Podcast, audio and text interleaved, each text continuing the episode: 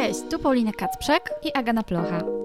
W podcaście Design Practice rozmawiamy o praktycznych stronach pracy na styku technologii i designu, zarówno od strony projektowania, jak i zarządzania.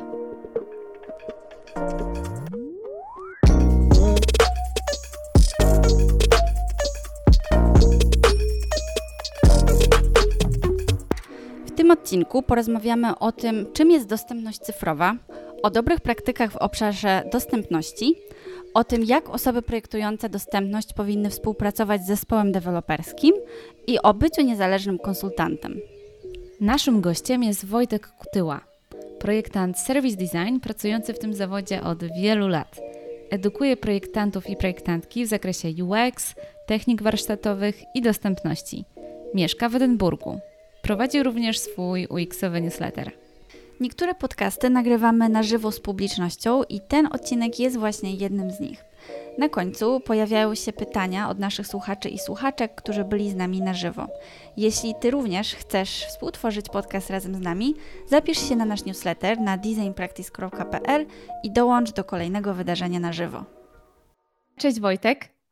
Cześć Agnieszka, cześć Paulina. Miło Was cześć, widzieć Wojtek. po tak długiej przerwie. Super, super, że się widzimy, słyszymy i możemy z Tobą porozmawiać. E, dzisiaj chcemy Cię wypytać o dostępność. Jest to bardzo ważny temat, e, coraz częściej pojawiający się na ustach projektantów, projektantek i nie tylko. Mm, I pierwszą część spotkania właśnie poświęcimy temu tematowi, ale też jesteśmy bardzo ciekawe e, Twojej drogi, Twojego rozwoju i ścieżki, jaką obrałeś jako niezależny konsultant, więc w drugiej części spotkania trochę się skupimy na tym, co robi Wojtek Kutyła i dlaczego akurat pracuje w taki sposób. Ale zawsze, zawsze zaczynamy nasz podcast pytaniem, nasze spotkania pytaniem, Jaką książkę ostatnio czytałeś? Ostatnio czytałem instrukcję obsługi odkurzacza e, i było to bardzo zajmujące, ale myślę, że raczej chodzi o e, książkę jakąś taką, e, w której było coś więcej niż odkurzacze. Podejrzewam, że Was to nie zdziwi, bo ostatnio chyba też na hypie pojechałyście trochę. Czytałem strategię umami Agi Szóstek. Chyba wszyscy ją teraz czytali i czytają. E, wyszła po polsku. E, czytałem kiedyś ją po angielsku, ale wyszła po polsku i jakoś trafiła do mnie fajniej po polsku z jakiegoś dziwnego powodu, choć w oryginale była po angielsku. No i, i byłem, y, a właściwie jestem wciąż zachwycony. To jest y, książka, której bardzo było potrzeba na polskim i nie tylko polskim e, takim UX-owym rynku, więc jeżeli ktoś jeszcze nie czytał, to polecam, bo jest przystępna, miła, fajnie napisana, nie męczy buły, jest bardzo praktyczna też. Super. Super. Oczywiście Może... polecamy bardzo serdecznie. I polecamy mm. podcast z Agą, e, poprzedni odcinek, e, czyli jedenasty. E, Aga też opowiadała więcej o, o książce. Także tak, podpisuję się pod tym, co powiedział Wojtek. Super książka, z całego serca polecamy. Tak. Wojtek, dla tych wszystkich, którzy jakimś cudem jeszcze Cię nie znają, może powiedz tak pokrótce, kim jesteś i co robisz? Jestem humanoidem, mieszkam na planecie Ziemia. Wybaczcie, jestem dzisiaj w dobrym humorze, chyba będzie dużo Dobrze. tutaj. Jestem niezależnym konsultantem, mieszkam na co dzień e, w Edynburgu, pracuję międzynarodowo. Zajmuję się głównie zagadnieniami związanymi z user experience design, service design i dostępnością, która powoli zaczyna stanowić w pewien sposób jakiś rdzeń mojej praktyki, ale o tym jeszcze będzie. I cóż, pracuję z małymi, dużymi organizacjami tu i ówdzie. Często pojawiam się w Polsce, wysyłam też taki newsletter, który odbiera trochę osób. Przyjeżdżam na konferencje, opowiadam różne rzeczy. Taki ze mnie łazik. I przyszedłeś do nas też do podcastu. I przylazłem wspaniale. i do Was, tak. Super. No właśnie, Wojtek, już wywołałeś wilka z lasu, y, powiedziałeś, użyłeś słowa dostępność. Y, zatem czym ta dostępność jest? Może sobie mm, zawęźmy do obszaru dostępność cyfrowa. Mhm, jasne. Dostępność y, tak naprawdę jest częścią ogólnego doświadczenia osoby, która w jakiś sposób przeprowadza interakcję z cyfrową zawartością, z cyfrową usługą, z cyfrowym produktem. Jak coś jest dostępne, to oznacza, że każda osoba, bez względu na to, jakie ma potrzeby, jakie ma przyzwyczajenia, jakie ma indywidualne, mm, jakie zachowania indywidualnie przejawia, może skorzystać sobie komfortowo z jakiegoś rozwiązania.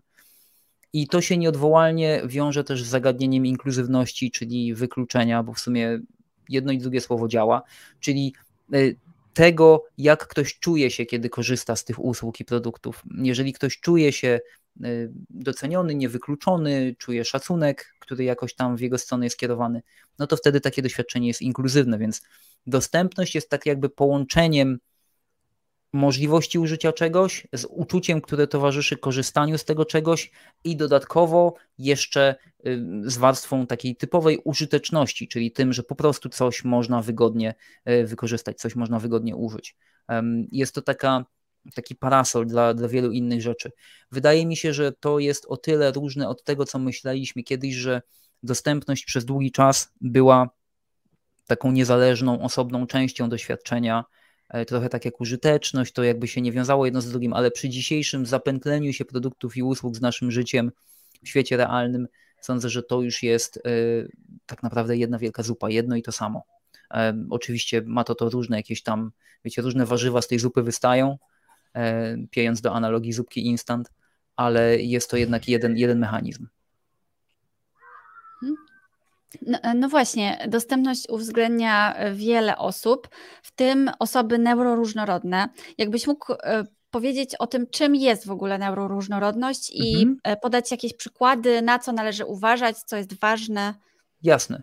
Warto w ogóle najpierw spojrzeć na to, jak wyglądają takie proste statystyki dostępności, bo, bo to otwiera oczy często osobom, które nie miały z nią do czynienia. Według y, informacji World Health Organization na świecie jest ponad miliard osób, które żyją z jakąś formą niepełnosprawności. To jest bardzo, bardzo dużo ludzi. W Polsce mamy dane, te, które odgrzebałem tak na prędce przed podcastem, bo nie sięgam po nie zbyt często, z 2011 i wtedy było ich 4,7 miliona, a więc jest to olbrzymia część populacji. I teraz warto wiedzieć, że dostępność nie tyczy się tylko niepełnosprawności, Y, lub też nie tyczy się tylko niepełnosprawności takiej typowej, którą można by powiedzieć widzimy, kiedy przymkniemy oczy, bo kiedy poproszę Was o to, żeby, żebyście zamknęły oczy i, i, i i żebyście pomyślały o osobie, która może żyje z niepełnosprawnością, no to pierwsze rzeczy, jakie pewnie powiecie, to, a zresztą zróbmy eksperyment, zamknijcie oczy. O, a co tam? Tego nie widać będzie na audio, ale zamykają oczy. No i jak mówię o niepełnosprawności, to co Wam do głowy przychodzi? Jeśli chodzi o dostępność no. cyfrową, no. to niewidoma osoba. Niewidoma osoba. Paulina?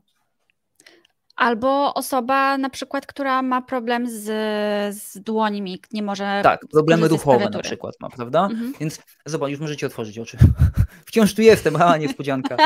Um, mi tak dobrze było. Nie wyszedł. Tak. Um, no wiecie, więc, więc są pewne typowe takie jakby niepełnosprawności, które przychodzą nam do głowy, bo są widoczne, prawda? Osoba, która ma problemy ruchowe, osoba niewidoma, osoba niesłysząca, mm, może osoba z niepełnosprawnością intelektualną, czyli rzeczy, które widać.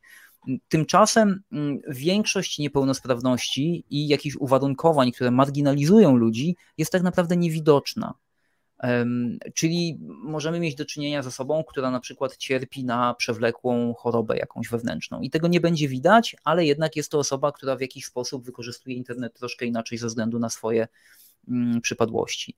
Możemy mieć do czynienia z osobą, która będzie zupełnie zdrowa fizycznie i psychicznie, ale na przykład będzie funkcjonowała w przestrzeni, w której inaczej identyfikuje swoją płeć niż, niż reszta populacji, co ją naraża na marginalizację społeczną. Nie będę mówił jak i gdzie, bo chyba wszyscy wiemy, jak jest tu i tam.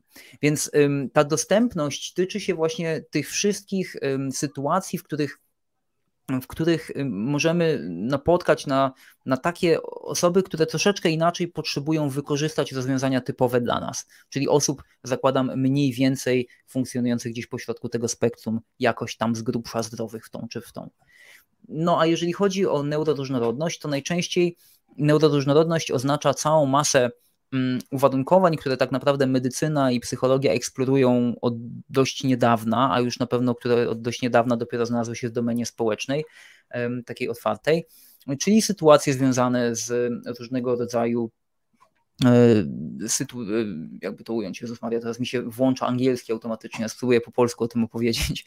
Są to sytuacje, w których nie mamy do czynienia z typową niepełnosprawnością w takim ogólnym pojęciu, a raczej z jakimś uwarunkowaniem psychicznym, czy też e, nawet czasem sposobem, sposobem patrzenia na świat, czymś, co, co jest trochę szerszym jakimś syndromem, tak? Czyli czyli możemy tu pomyśleć o osobach, które na przykład y, cierpią na syndrom Aspergera, właściwie cierpią to nie jest dobre, dobrze powiedziane, bo one nie cierpią, ale żyją z nim, e, czy też osoby z, na spektrum autyzmu i tak dalej, i tak dalej, czyli osoby, które zupełnie normalnie funkcjonują w społeczeństwie, ale jednak z jakiegoś tam względu marginalizujemy je, czy też ich e, funkcjonowanie w społeczeństwie jest utrudnione.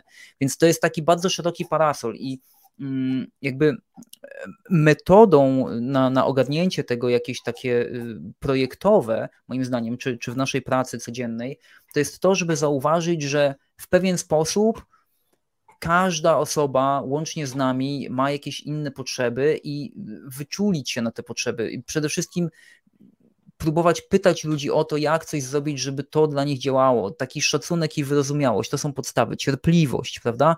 Nie zakładanie, nie mierzenie każdego swoją własną miarą. Wydaje mi się, że to jest najważniejsze w tym wszystkim, a jednocześnie bardzo trudne, no bo my jak projektujemy, no to wiadomo, że najczęściej nasza rączka i nóżka projektują dla nas, no bo wiadomo, że tutaj lubimy czerwone, to nawalimy wszędzie czerwonego, a potem nie wyjdzie. E, I tak to, tak to wygląda. Jeżeli chodzi o to, o co trzeba uważać, na co trzeba uważać, przepraszam, to y, myślę, że tak jak wspominałem wcześniej, ważne jest to, żeby przede wszystkim się otworzyć, że czasem warto spytać kogoś, jak się czuje, jak chciałby na przykład, żeby się do niego odnosić, y, w jakiej formie będzie mu najlepiej odebrać jakieś informacje, jak tej osobie będzie najprościej, co ją najmniej zmęczy. Czyli y, wchodzimy na taki poziom UX-a i jakby badań ogólnie, w którym dbamy o coś więcej niż tylko statystyka i prosimy ludzi o to, żeby naprawdę opisali nam źródła swoich problemów. To jest najlepsza metoda, która pozwala w jakiś sposób zaadresować wszystkie te, mm, te sytuacje. Mhm. Ja jeszcze na chwilę nawiążę do tej neuroróżnorodności. Czym powiedzmy może różnić się taki projekt, y, który uwzględnia te potrzeby i który nie uwzględnia? Czy, czy to chodzi tylko o, nie wiem, na przykład o język, że on ma być prosty, mhm. jasny i zrozumiały, ale może są też jakieś inne aspekty audio, wideo, które warto brać pod uwagę, no kiedy właśnie projektujemy. Jasne. To jest bardzo szerokie spektrum rzeczy, które trzeba brać pod uwagę. Wiele z tych wskazówek są zawarte. Wie... Dzisiaj nie mogę się jakoś wysłowić, przepraszam bardzo, jakieś androny pletę. Wysławiasz się wspaniale, Wojtek. Obrzydliwe, um, ale postaram się poprawić. Próbuję powiedzieć, że większość z tych wskazówek zawarte są um, wiele z tych wskazówek jest zawartych, o tak mam powiedzieć, e, w WCAG, WCAG Web Content Accessibility Guidelines i tam można po nie sięgać, ale tak, tak jak mówisz Agnieszka, no jest, jest sporo takich, które tyczą się treści, tego jak e, formułować wypowiedzi w tekście, jak prosić ludzi na przykład o to w formularzach, żeby identyfikowali się i, i czy w ogóle o to prosić, czy w ogóle o to pytać, czy to jest w ogóle potrzebne. Mm, też dużo takich rzeczy związanych z mediami, czyli jak serwować content w taki sposób, żeby nie było za szybko, albo żeby za bardzo nie migało, albo żeby nie było za bardzo konfundujące. Świetny przykład, y, mam znajomą, która ostatnio mówiła mi, że oglądała y, jakiś film, taki y, chyba z klockami Lego zrobiony Batman The Movie, czy coś, coś takiego, nie wiem, jakiś taki film, a może to był, były klocki Lego i zasuwały tam po ekranie i się działy różne rzeczy. Jest osoba dużo młodsza ode mnie, ale już dorosła, e, ale jeszcze nie z tej najmłodszej jakby generacji dorosłych, tylko właśnie taka Zetka chyba. E, I powiedziała mi, że ilość jakby tych wszystkich stymulantów na ekranie, tego wszystkiego, co się działo, kompletnie ją przeładowała. On, przeładowała. Ona musiała po prostu to wyłączyć po 15 minutach, bo nie dała rady, nie?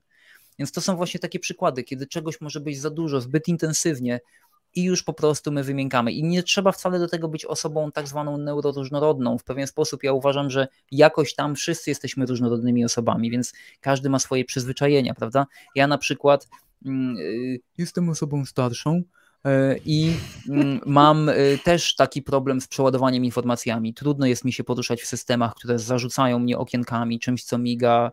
Więc myślę, że jakbym miał projektować dla siebie, to bym spróbował zrobić tak, żeby było jak najprościej. I i wiedziałbym, że tak potrzebuję, gdybym ze sobą pogadał. I to do tego się sprowadza po prostu. Obserwacja, rozmowa, testy, wiadomo, te wszystkie rzeczy, które i tak powinniśmy robić. Mhm. A załóżmy, że jestem projektantką, która chce zrobić właśnie dostępny projekt, albo jestem e, na przykład osobą, która pracuje w jakiejś instytucji kultury i współpracuję z projektantem. I na co w pierwszej kolejności zwrócić uwagę? Co jest takie najważniejsze, najbardziej podstawowe, od czego zacząć w dostępności? Mhm. Dostępność ma właściwie, jakby to tak sprowadzić do czegoś trochę prostszego, takie dwa aspekty. Jeden to jest taki, mówię o tym z punktu widzenia osób, które się zajmują jakby cyfrowym dostarczeniem tej dostępności, czyli, czyli no dość ogólnikowo, ale to jednak pomoże.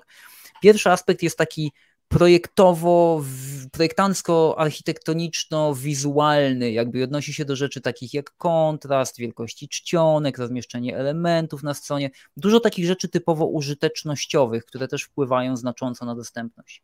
A drugi aspekt dostępności, nierozerwalnie połączony z tym pierwszym, to jest taki techniczny aspekt dostępności.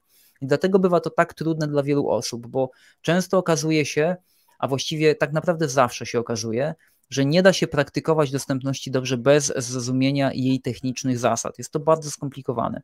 I tu pojawia się pewien specyficzny problem, mianowicie tempo zmian w sektorze digital przez ostatnich kilkanaście lat było tak szybkie, że specjaliści i specjalistki, osoby, które się tym zajmują, które kształciliśmy, nie zostały wyposażone w podstawowe informacje związane z tym, jak coś zrobić dobrze, tylko zostały wyposażone w informacje, jak coś zrobić szybko i ładnie.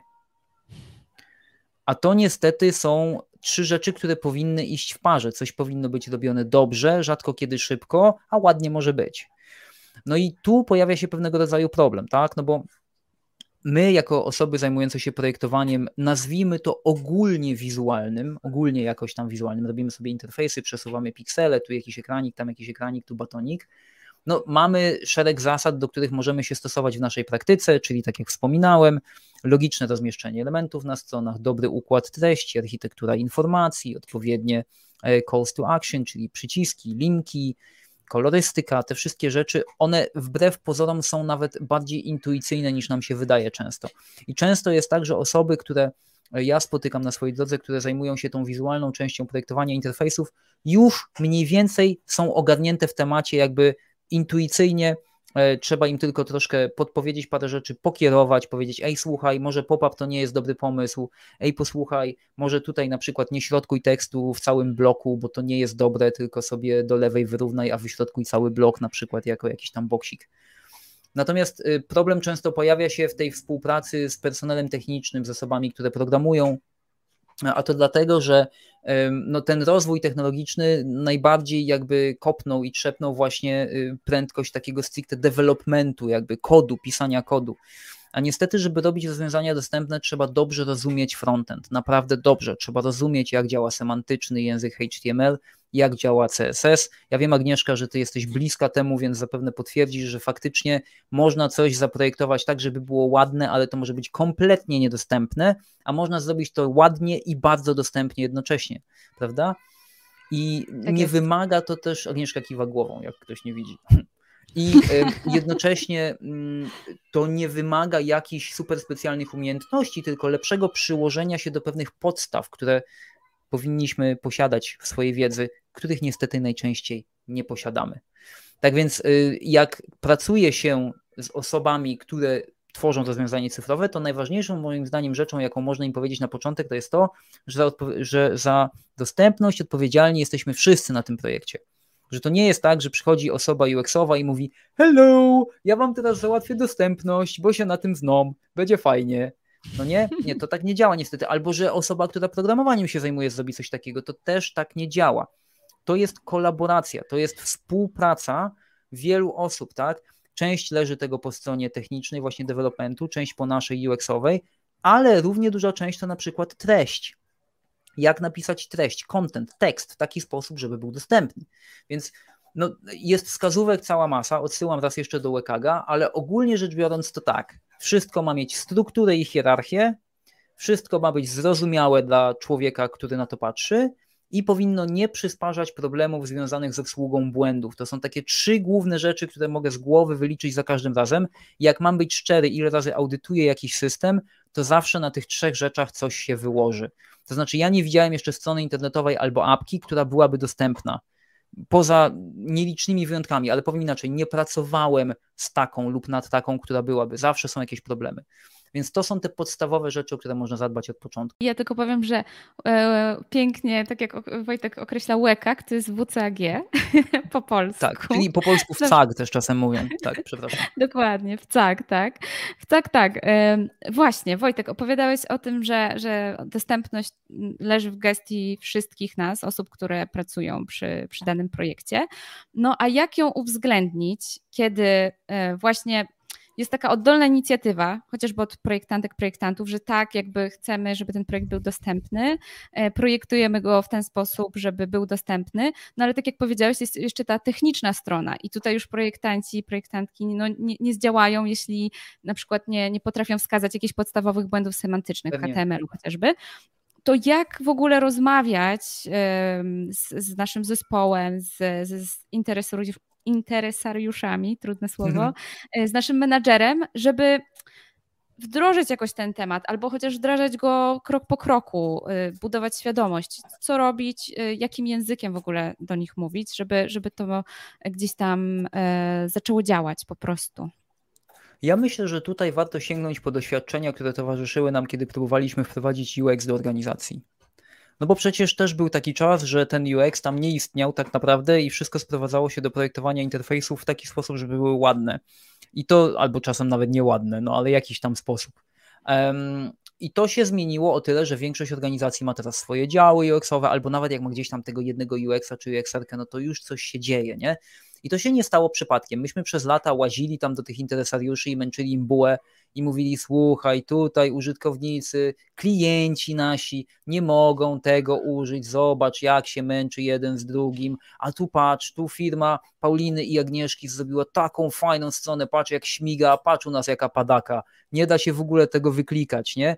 I tak dalej, i tak dalej. I potem zobaczcie deweloperzy, zobaczcie projektantki, tutaj kurczę, no mam wideo, nagrałem komórką, jak jakieś typiszcze użera się nad naszą apką, zobaczcie, przecież to straszne jest, to nie działa, no to zróbmy coś z tym, zatrudnijmy tego UX-a, ja nie wiem jak to naprawić, ale jakiś UX będzie wiedział, tego zatrudnijmy. Trochę tak samo jest z dostępnością. Żeby ludzi zainteresować dostępnością, to trzeba ich na nią uwrażliwić. I to jest ten właśnie podstawowy jakby święty granat ręczny osób, które chcą dostępnością inne osoby zainteresować. Bo wiecie, jeżeli jest sobie drużyna UX-owa i ktoś tam się dostępnością zainteresuje i powie o tym na jakimś stand-upie albo nawet na jakimś e, innym spotkaniu i zacznie się tym jarać, no to, to fajnie, ale równocześnie tak, jest ziutek, który się jara kryptowalutami, chociaż wiadomo, że ogólnie nie ma się czym jarać, uwaga, ryzykowne. E, jest jakaś inna osoba, która na przykład, nie wiem, odkryła nową funkcję w Figmie i powie coś ciekawego, wszyscy się zainteresują i to jakoś ginie w tle.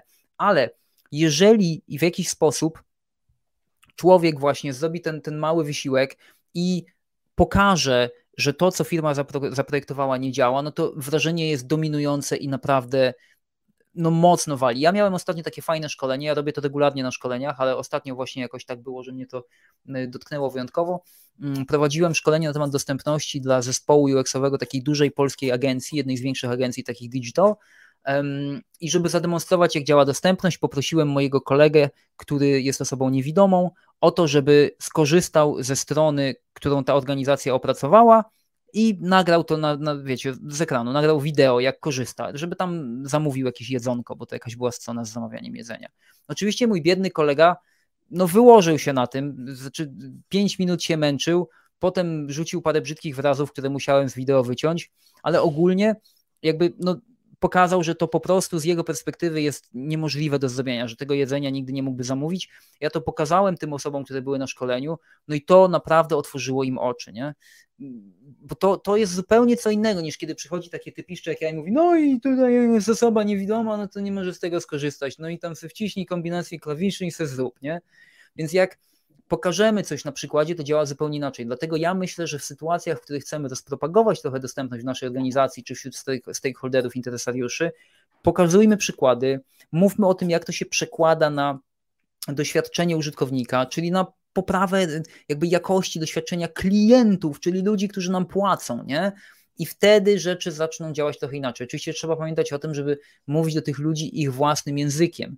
No bo to też jest tak, że ja myślę, że my jako UX i osoby takie z natury dość empatyczne i otwarte mamy czasem tą przypadłość, że troszkę się tak, moja mama mówiła, jaki rozmemłany jesteś. rozmemujemy się, czyli tak takie wszystko jest mięciutkie i piękniutkie i tu aniołki lecą z tą dostępnością i z UX-em i tu, tu, tu, tu, tu, uratujemy świat. Nie, twarde liczby, twardy hardcore, tu nie działa, zobacz, ziomek robił sign-up, przejechał się kompletnie, bo mu w czytniku ekranowym nie działało, straciliśmy klienta, nie? I wtedy to zupełnie inaczej działa. Taka moja recepta. Tak jest. Ja tylko dodam od siebie, że jak, kiedy ja chciałam jakby zrozumieć bardziej dostępność w takim właśnie realnym kontekście, to e, znalazłam taką grupę na Facebooku, gdzie były osoby niewidome i się tam wspierały. Spotkałam się z taką osobą, właśnie poprosiłam ją o zakup biletu na stronie PKP i, i też pytałam, jak, jakich apek używa i to było naj, chyba najwięcej mnie nauczyło takie jednogodzinne spotkanie, tak. więcej niż właśnie jakieś książki czy wykłady, także też polecam tak w real no, life. Na pewno, na pewno tak bym to, na pewno tak bym to określił, bo y, jestem, widziałem to naprawdę nieraz, że nawet najbardziej hardkorowe deweloperki, czy najbardziej hardkorowi projektanci, ludzie, którzy zęby na tym pozjadali, wydaje mi się, że, że i mają dużo doświadczenia, ale wydaje mi się, że wiedzą wszystko o pozytywnym doświadczeniu użytkownika. Po obejrzeniu takiego jednego filmu pięciominutowego po prostu klękają z wrażenia, naprawdę. Bo sama wiesz, Agnieszko, jeżeli byłaś w takiej sytuacji, że rzeczy, których się dowiedziałaś, nigdy by ci do głowy nie przyszły. Tak. Jakby to były, to były na pewno rzeczy, które wiesz, wykonywałaś te czynności, no, śmigając palcami po klawiaturze, tak po prostu szybciutko, zupełnie bez problemu, a tutaj ktoś, nie wiem, ma problem z wyborem daty na przykład w formularzu i pół godziny musi się męczyć i w końcu mówi, nie, kurde, pieprzę to, idę gdzie indziej, bo już nie mogę, nie? To naprawdę otwiera oczy, takie maleństwa. Dostępność i błędy z nią związane najczęściej to są takie paskudne, śmierdzące małe grzyby, które gdzieś wyrastają, które wcale nie muszą mieć olbrzymiej natury. To znaczy, to nie jest tak, że cały serwis jest popsuty, coś tam, coś tam. Nie działa jakiś kawałeczek kodu i on po prostu uniemożliwia osobom, które potrzebują tego rozwiązania, efektywnego użycia go. I to, to, jest, to jest duży problem. A może się też pojawić taki argument budżetowy e, ze mhm. strony mhm. osób, które mm, gdzieś tam zarządzają tym Nie projektem. Nie mam pieniędzy. Dokładnie, bo mo mogą powiedzieć, no, no tak, ale my tutaj nie jesteśmy Uber Eatsem czy tam Boltem, nie mamy tylu klientów, to jest zdecydowana mniejszość i teraz nie mamy budżetu na to, żeby wprowadzić tą dostępność. I czy spotkałeś się z takim argumentem i też powiedz Wojtek, czy, czy właśnie faktycznie jest to tak dużo więcej w budżecie projektu, mhm. dodanie, y, zadbanie o dostępność, czy może to jest jakiś mit? Czy się spotkałem? Story of my life spotykam się z tym bardzo często. Smutne jest to o tyle, że najczęściej bardzo dużo entuzjazmu jest w tych drużynach bezpośrednio wykonawczych, czy to deweloperskich, czy UX-owych, no ale wszystko się rozbija o jakiegoś ziutka tam wyżej, który trzyma kiesę. Natomiast czy dostępność musi, czy implementacja dostępności musi być droga? I tak, i nie. Tak, jeżeli robi się to na produkcie, który już działa, czy w usłudze, która już funkcjonuje i przez długi czas funkcjonowała jako usługa niedostępna, czy jako produkt niedostępny. Czyli jakby miał powiedzieć to bardziej po ludzku, a nie jak małpa, to znaczy, że jeżeli mamy już jakąś apkę, która na rynku jest i działa, tyle, że jest niedostępna, to zrobić tak, żeby była dostępna, może wcale nie być prosto. Choć akurat paradoksalnie w przypadku apek mobilnych to może nie być tak bardzo trudne, jak w przypadku mm, webowych aplikacji, ze względu na to, że troszeczkę inaczej wygląda proces produkcyjny. Ale tak czy inaczej, refactoring w stronę dostępnego kodu, czyli jakby mamy niedostępny kod, hop siup, robimy z niego dostępny, często wiąże się z wydatkiem, bo często się okazuje, że dużo części trzeba przepisać, napisać od nowa. Ja nawet widziałem takie drastyczne przykłady, w których się okazywało, że po prostu nie było wyjścia, trzeba było od zera to coś napisać, żeby było dostępne, no bo taki był bajzel, że, że nie da się inaczej, nie? Natomiast często jest tak, że organizacje, które starają się dbać o dostępność, bo nagle się obudziły z tym i to jest super, znajdują się w momencie, w którym na przykład szykuje im się bardzo duży redesign. Na przykład mają stronę internetową, która ma już kilka lat, jest niedostępna, jest może mało funkcjonalna, jest troszkę z zamieszłej epoki, no i są teraz w momencie, kiedy chcą to zrobić od początku, to znaczy od nowa, czyli jest cały projekt, przebudowujemy architekturę, albo robimy w ogóle nowy produkt od nowa, tak też może być. No i tu dzieje się coś bardzo interesującego. Jeżeli personel, który się tym zajmuje, ma odpowiednie umiejętności techniczne i został w nie wyposażony w procesie edukacji, jakby i wie, co robi, to wtedy zaimplementowanie dostępności nie kosztuje nic. Jest po prostu mądrym programowaniem i mądrym pisaniem kodu i mądrym projektowaniem. Tak? Jeżeli natomiast są to osoby, które nie mają tych umiejętności, no to one powielą tylko ten schemat. To znaczy, wybudują coś, co będzie albo niedostępne, albo bardzo niedostępne, a potem będą się użerać ze zmianą tego. Więc y, to jest trochę taki problem, bo na rynku wciąż brakuje tych osób, które no potrafią w to i czają to dobrze. Y, ja y, nieraz widzę na przykład produkty, właściwie codziennie oglądam gdzieś tam na różnych projektach pracy zespołów e, frontendowców, osób zajmujących się frontendem i w 80% przypadków, pomimo tego, że te osoby są wyspecjalizowane w tym, jak coś zrobić tak, żeby wyglądało tak jak mockup, który dostały, to nie mają pojęcia o tym, jak to od strony kodu napisać tak, żeby to działało porządnie. Po prostu nie wiedzą tego. I to nie jest jakby przytyk do nich, czy mówienie im, o tutaj nie umieją, tam coś tam, coś tam, nie chciało im się nigdy, tylko po prostu się tego nie nauczyły, bo nikt im tego nie powiedział, bo ich tego nie nauczono.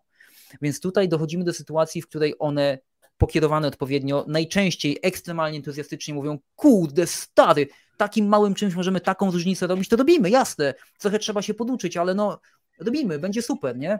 Ale zdarzają się też takie przypadki, w których zwłaszcza jeżeli te osoby są bardziej doświadczone, może troszkę starsze, osadzone jakby w tym swoim takim świadku, to mówią, ja tam co ja tam będę dostępny, ja od 20 lat montuję pralki, ja wiem jak dostępność, nie, nie pierdziel mi to. Takie przypadki też spotykam. No i to bywa poważny problem. Ale w praktyce okazuje się, że jeżeli budujemy coś od zera, to zrobienie tego dostępnym wcale nie kosztuje nas dużo więcej. Jedyny dodatkowy koszt faktycznie, jaki się ponosi, jest taki, że może się okazać, że trzeba będzie zrekrutować jedną, dwie, trzy, cztery więcej osób do badań, że będzie trzeba przeprowadzić dwa, trzy, cztery wywiady, ale umówmy się, no to nie jest jakiś potworny, kosmiczny koszt, który nas opóźnia, czy tam nie wiadomo co. To może być naprawdę kwestia dwóch dodatkowych, trzech, może czterech dni w procesie projektowym, więc to nie jest, nie jest żadna straszna ilość czasu. Mhm. A Wojtek, jakbyś mógł opowiedzieć trochę o dobrych praktykach e, między projektantami, projektantkami, a deweloperami, deweloperkami właśnie w kontekście dostępności, bo ten poziom wiedzy może być różny, mm, no ale wspólnie gdzieś tam możemy się e, chociażby zagrzewać do walki i, i dzielić tym, co mamy. Więc jak z Twojej praktyki, jak, jak, jak co Ty byś polecił mhm. właśnie osobom, żeby, żeby gdzieś tam ten proces był bardziej efektywny? Oczywiście. Przede wszystkim to, co fajnie działa w takich parach osób, parach myślę, grupach osób, ale w takiej parze osoby projektujące UX i tutaj rozumiem wszystko, content, y, kurczę, nie wiem, wizualne rzeczy, jakieś tam interakcje, nie wiadomo co e, i osobami, które zajmują się implementacją tego, czyli osobami, które deweloperują coś tam, piszą program, kod. To, co fajnie działa, to to, żeby jedne osoby z drugimi chciały rozmawiać, nie? I y, żeby y, Fajnie to określa moja, moja dziewczyna Marta, która też ma fisia na punkcie dostępności, jest deweloperką ona mówi, że idealny nie następuje match. idealny match, match made in heaven, że nie następuje pomiędzy UX-ami a deweloperami handover, tak jak my to nazywaliśmy do tej pory, tylko handshake. Że to jest mm. handshake, że to jest wymiana jakby mm, doświadczenia, można by powiedzieć. Czyli ja, ja przepraszam, bo nadepnąłem Zenona. Zenon to mój pies, jakby ktoś nie wiedział. Jest długi i łatwo go nadepnąć. Ale leży sobie. Czyli, czyli następuje taka sytuacja, w której ja na przykład przynoszę jakiś interfejs do ciebie, Aga, ty się zajmujesz programowaniem i mówię, słuchaj, Aga, tu jest taki interfejs, zobacz, tutaj są dwa stany tego komponentu, w jednym on jest tam y, zamknięty, w drugim jest otwarty, tu jest jakiś call to action i teraz zobacz, ja tutaj zadbałem odpowiedni kontrast, upewnij się proszę, że tu na przykład czcionka jest dokładnie tej wielkości albo większa i to, co będzie bardzo ważne, to żeby to było tak zakodowane we frontendzie, żeby człowiek jak sobie używa Ctrl i plus na klawiaturze albo Ctrl i minus, to żeby jak się zmieni rozmiar, żeby się nie rozsypało. I ty powiesz, dobra Wojtek, spoko, jakby rozumiem czaję bazę, nie ma problemu, już się zabieram do kodowania, a ja potem przyjdę do ciebie i powiem, pokaż Aga, co zrobiłaś, popatrzmy na to, popatrzymy jak to działa razem, no i na przykład ja wtedy powiem, słuchaj, a tutaj Zobacz, bo naciskam tab i na ten element nie mogę przejść fokusem klawiaturowym. Jak to zakodowałaś? I ty mi pokażesz kawałek kodu. Ja ci powiem, o zobacz, tutaj zrobiłaś to jako div, a to powinien być button. I tak powinna wyglądać ta komunikacja, czyli nawzajem sobie pomagamy. I ty mi mówisz, Wojtek, słuchaj, ale tutaj na przykład, kurczę, no ta ikonka, no to y, wiesz, ona, ona nie wiem, musi być w innym miejscu, y, bo tam coś tam się nie da inaczej tego zrobić. Byłem dobra, spoko, ale jak będzie w innym miejscu, to znaczy, że trzeba jej kontrast zmienić, bo tło tam jest jaśniejsze. No to zmieńmy jej kontrast, zmieńmy jej kolor na jakąś tam inną, nie? Więc to się sprowadza do rozmowy, to jest ta najlepsza praktyka. No raz jeszcze, zakładam, że osoby, które dealują ze sobą nawzajem mają albo tą wiedzę, albo też mają na przykład chęć jakby sprawdzenia tego, chociażby w ten sposób, że jak mają coś, to i patrzą na jakiś interfejs, to nie lecą od razu do programistów i nie mówią, ej stary, weź mnie tu to wybuduj, tylko właśnie, nie wiem, zasięgną porady, mm, nie wiem, na jakimś forum, y, na, na, na grupie LinkedInowej, pokażą, ej słuchajcie, zrobiłem coś takiego, czy, czy to w ogóle wydaje się na pierwszy rzut oka jak coś dostępnego. Ja wam powiem, że y, często patrzę na Dribble, bo tam jak ludzie przysyłają jakieś CV, portfolia, nie wiadomo co, no to tam dużo tego jest. Naprawdę 99% rzeczy, które ja widzę na Dribble jako takie radosne wykwity y, twórczości interfejsowej jest absolutnie niedostępna. I to nie tak, że byłaby niedostępna na poziomie implementacji, w sensie jakby to programowanie mm, załatwiło, że, że to tam sobie działa i śmiga, tylko jak ja już na to patrzę, to ja wiem, że te interakcje, które by tam były, te, te wszystkie problemy z kolorystyką, czcionkami, y, spacingiem i tak dalej, że to wszystko tworzy rozwiązanie niedostępne. Więc no tu, tu chodzi o ten handshake, nie? Tu chodzi o to, żeby z tymi wszystkimi osobami, które pracują w grupie, wymieniać uściski dłoni i żeby mówić, dobra, tu kawałek treści jest, żeby deweloper popatrzył na tą treść, jak ją tam wkleja w alert i powiedział, słuchaj, ale ten komunikat o błędzie nie ma sensu. Y, albo na przykład, o świetny przykład wam podam, bo to fajnie działa. Często jest tak, że jak y, deweloperzy, y, osoby, które dewelopują, piszą kod, tworzą jakiś formularz, no to gdzieś tam wyrzucają jakieś komunikaty o błędach, to znaczy pokazują, o tutaj będzie błąd, nie? I tam często te błędy to są takie błędy, które pochodzą prosto z jakiejś bazy danych, albo się takiej osobie nie chce za bardzo myśleć, to piszą, że to pole jest wymagane. No i teraz wyobraźcie sobie, że oglądacie taki formularz albo słuchacie go przez czytnik ekranowy, nie? I tam jest 15 pól i są błędy w formularzu i nagle, kurczę, słyszycie. Pole tekstowe, to pole jest wymagane. Pole tekstowe, to pole jest wymagane. Pole tekstowe, to pole jest wymagane. No i robi się z tego taka zupa, że nie sposób zrozumieć. W tym momencie osoba, która to pisała, jak to pisała, powinna była pójść do UX-a i powiedzieć, ej ziomek, słuchaj, tu mamy pięć pól, zobacz, weź ty mi szybko skrobnij yy, wiadomości błędu pod te pola. No i wtedy UX sobie siądzie i powie, dobra, tu jest pole imię, no to co to może być? A, podaj imię. Proszę bardzo, piękne, prawidłowe, po prostu poinformowanie osoby o błędzie, tak? Albo nie wiem, hasło. Nie, że tam hasło się musi składać z 67 znaków, coś tam, coś tam, coś tam, tylko prawidłowe hasło to słowo, które możesz zapamiętać, może zawierać znaki specjalne. Podaj prawidłowe hasło albo coś takiego. Więc jakby to wszystko się sprowadza po prostu do użycia szarych komórek w odpowiednim momencie. I do zrozumienia, dodam jeszcze, zanim mnie zgasicie, bo wiem, że już długo tutaj na ten temat, do zrozumienia, że w momencie, kiedy coś oddajemy do produkcji, to się nie kończy nasza odpowiedzialność. I to jest, myślę, kluczowe i bardzo często, bardzo w ogromnej większości przypadków, niestety jest to coś, o czym muszę jakby informować ludzi. Oni tego nie rozumieją, nie? że jak ja coś oddam ziutkowi, co programuje, to nie znaczy, że ja już mogę o tym zapomnieć. To tylko znaczy, że następuje następny etap produkcji, a ja i tak powinienem być w ten etap zaangażowany. A, a Wojtek, a czy y, używasz jakichś narzędzi, czy, czy to właśnie w tym procesie handshake'u, y, czy na przykład w badaniu y, dostępności, mhm. w jakichś audytach, czy są jakieś narzędzia, które w całym tym procesie mogą gdzieś tam nam pomóc? Pewnie, że tak. Jeżeli chodzi o takie handshake'owe tematy, to najprostsze rzeczy, jakie można zrobić, i to nieważne naprawdę, czy się pracuje w Figmie, czy się pracuje w Adobe XD, czy tam w Sketchu, czy co tam sobie kto wybierze w Paintie, to kiedy przekazujemy już gotowy e, jakiś layout, gotowe tam interfejsy dalej, to po prostu ładnie opisać, jak one mają działać. Na przykład napisać na Figmie, że jak tu jest nagłówek, to to jest nagłówek H tu drugiego poziomu, H2, a to jest H1 pierwszego poziomu, a ten to H3, a tu jest paragraf, a tu jest tabelka. Żeby taki deweloper nie myślał, o dobra, co to jest, no nie wiem, to zrobię pogrubione i czcionką 10 E, przepraszam, fontem 10, ktoś mnie tu koryguje, pisze czcionki to w druku, a ja wciąż uważam, że to są czcionki, bo jestem stary daty, będę mówił jak będę chciał. Czcionki, koniec. No, więc można czcionki sobie zmienić, ale chodzi o to, żeby przekazywać te informacje dalej, nie? Czyli to jest nagłówek, on ma być taki, a nie inny, to jest tam coś tam. Więc to jest jedna rzecz. Więc tutaj jakby nie ma specjalnych narzędzi, które są takie mm, zorientowane na dostępność w temacie handshake'u. Są jakieś pluginy do Figmy chyba i tak dalej, wydaje mi się, ale najczęściej to po prostu sprowadza się do prostego opisania paru rzeczy, paru komentarzy, nic specjalnie skomplikowanego, tak? Natomiast e, jeżeli chodzi o narzędzia, które umożliwiają pracę z dostępnością na co dzień w takim zakresie, żeby troszkę ją sobie przetestować, no to tu się otwiera bardzo duże pole do popisu. Jedną z pierwszych rzeczy, które możemy zrobić, to y, nie wiem, czy to o to pytasz, Paulina, dobrze zrozumiałem to pytanie, że to o to ci chodzi, tak?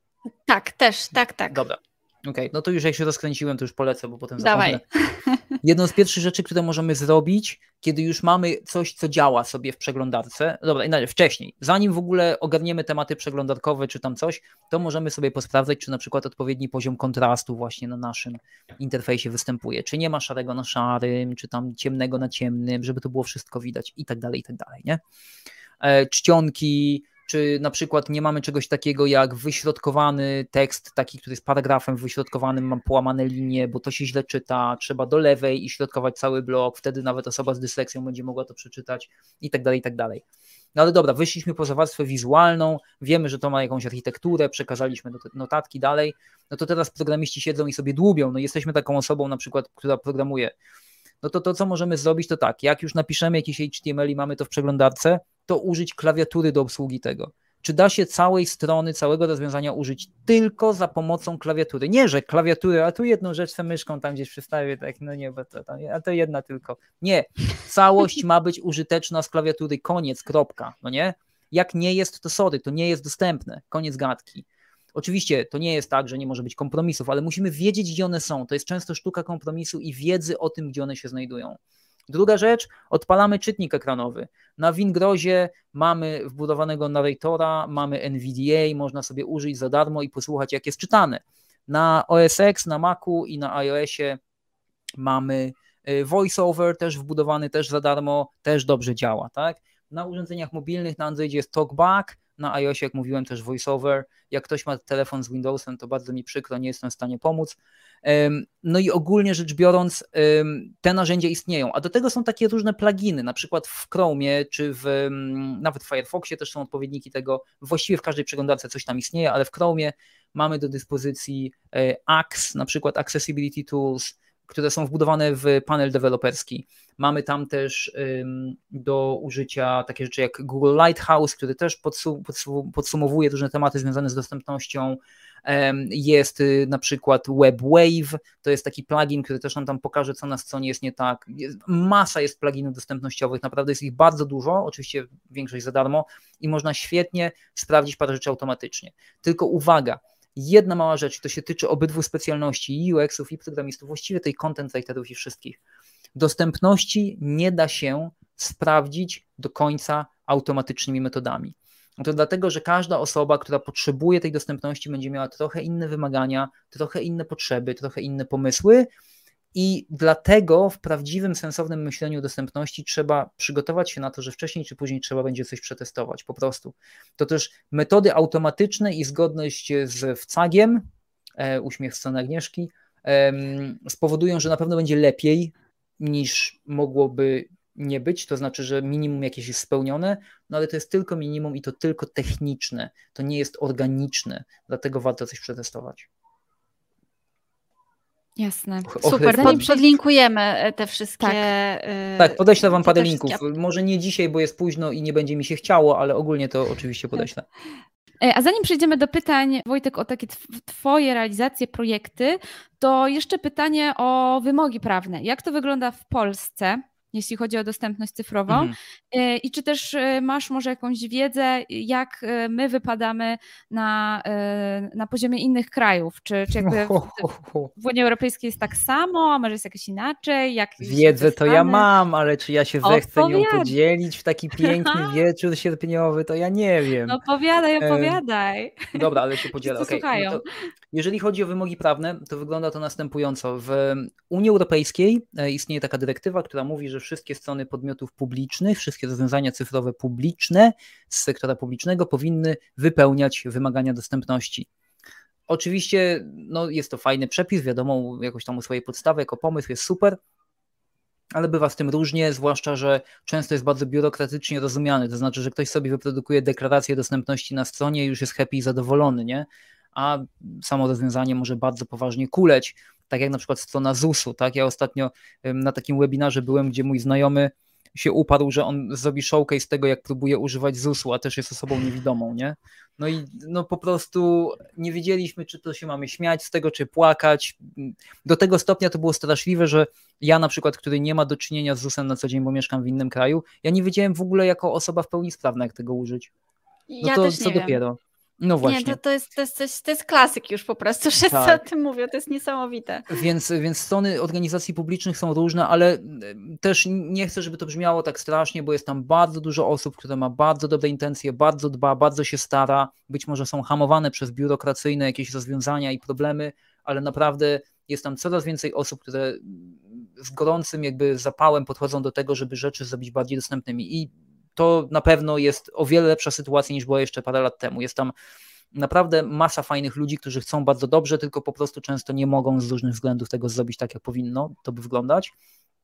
Natomiast y, w kwestii regulacji dla takich podmiotów y, pozapublicznych, czyli organizacji prywatnych różnego rodzaju, no to w obrębie Unii Europejskiej na razie nic takiego nie funkcjonuje jeszcze, takiego pisanego, w kamieniu zapisanego, że ma być i koniec. W 2025 ma wejść taka dyrektywa, która będzie mówić, że tak będzie i że nawet podmioty prywatne będą musiały się o to starać. W Stanach Zjednoczonych już coś takiego istnieje od bardzo, bardzo dawna, mm, podobnie w Kanadzie, tak więc no, produkowanie rozwiązań na tamte rynki jakby wymaga trochę większego przykładania się do tych spraw, mm, co jest na przykład ciekawe i może zainteresować osoby, które pracują w polskich software house'ach, które często um, dostarczają usługi na przykład na rynek amerykański czy kanadyjski, nie mając pojęcia o tym, że tworzą rozwiązania, które ich klientów mogą wpędzić w legalne kłopoty klienci nie mając świadomości tego, co się dzieje, idą w to, a potem się okazuje, że jest jakiś pozew i nagle niespodzianka. No bo kto to napisał? No my, ojej, niedostępne, problem, nie? Więc istnieją takie prawne regulacje. Ta sytuacja ogólnie się zmienia. I wydaje mi się, że dojdzie do tego, że wcześniej czy później na większości rynków coś tam w prawie gdzieś tam będzie zapisane, bo populacje się starzeją, nie robimy się coraz zdrowsi i będzie tego potrzeba.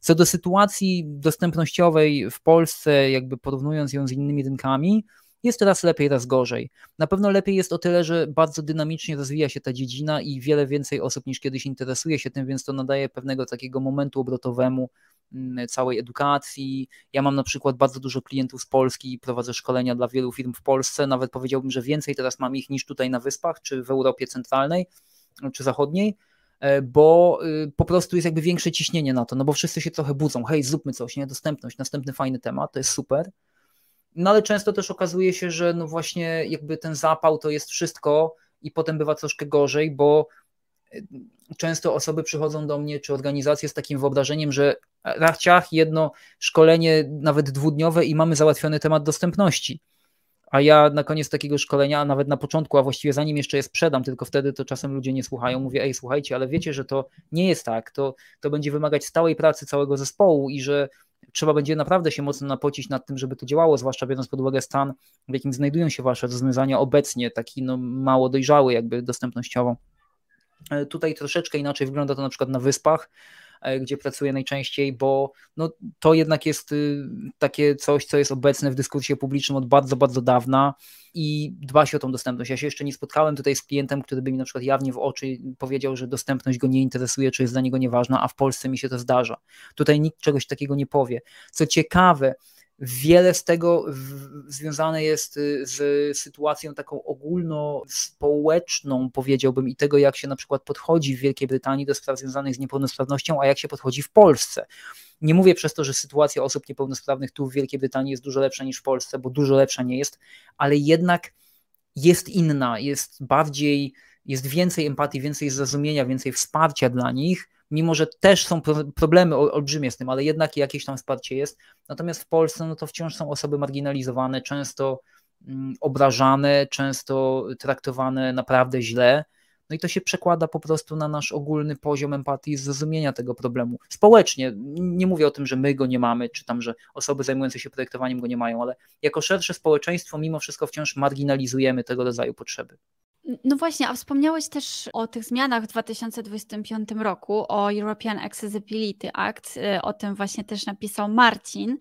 Czy tak. mógłbyś Wojtek powiedzieć, y, co to zmieni? To znaczy jakoś tak pokrótce jakieś najważniejsze kwestie, które, które mhm. ten dokument wprowadza. Co to zmieni? No zmieni to przede wszystkim to, że, że na podmioty komercyjne zostanie nałożona pewnego rodzaju odpowiedzialność związana z tym, że ich produkty czy usługi muszą stać się dostępne dla osób, które potrzebują tej dostępności, czyli w efekcie po prostu zalegitymizują jakoś e, ten wymóg, który i tak istnieje, tylko często się o nim nie mówi, albo nie słyszy, albo ktoś może o nim nie wiedzieć. Nie? To będzie miało kilka praktycznych implikacji, to znaczy pierwsza jest taka, że wiele organizacji obudzi się z rękami w nocnikach, i to jest pewne. E, to jest taka negatywna implikacja, no bo wiadomo, że nagle będzie tak ty Ziutek, słyszałeś, kurna, tu jakaś nowa dyrektywa jest, Jezus Maria, chyba nie spełniliśmy już milion euro dziennie jak za turów. I będzie, niespodzianka.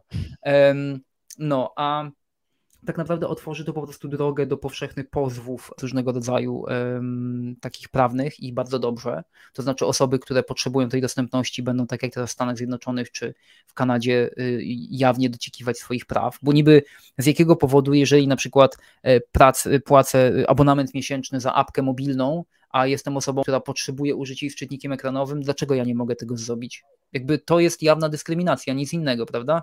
Nie przekonują mnie żadne tematy w rodzaju nie mamy pieniędzy, czy może później. Nie! Ja jestem klientem, taką samą osobą jak każda inna osoba, nie mogę tego użyć. Więc tego typu rzeczy zaczną się dziać i to będzie super.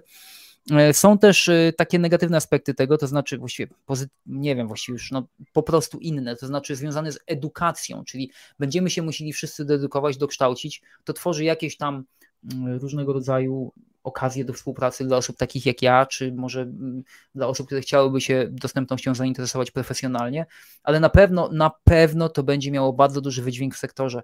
Co ciekawe, e, to nie jest też tak, że na przykład tyczyć się to będzie tylko Unii Europejskiej i koniec, prawda? Bo jeżeli firma z Wielkiej Brytanii dostarczać będzie rozwiązanie na rynek Unii Europejskiej, no to będzie musiała po, tym samym przepisom jakby podlegać, prawda? Więc tak samo jak dzisiaj Software House z Polski, który dostarcza coś na rynek amerykański. Więc y, to ogólnie powinno zaskutkować poprawą sytuacji, ale jestem pewien, że, y, że odbędzie się to przy wtórze jęków, pisków i, i zgrzytów zębów. Ale szczerze mówiąc, internet jest tak popsuty i to my jesteśmy za to odpowiedzialni, że jest popsuty, że nam się to po prostu należy. Należy nam się, żeby ktoś nam spuścił solidny wpierdziel i powiedział, stary, albo robisz to dostępnie, albo przestań się zajmować pracą w tym zawodzie, bo to ci nie przystoi. Przynajmniej takie jest moje zdanie. Dobrze, słuchaj Wojtek, to teraz zawijamy bardziej w stronę Dobra. E, twoich projektów i tego, co Ty realizujesz.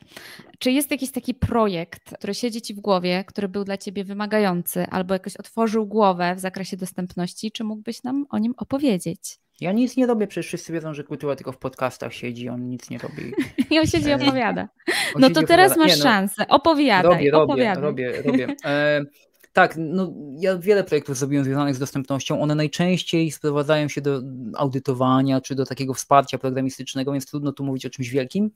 Ale jeden projekt, który mi bardzo fajnie utkwił w pamięci, to było zdaje się dwa lata temu. Wydaje mi się, że już w pandemii mogło być tuż przed, ale jakby nie jestem do końca pewien, chyba dwa lata temu.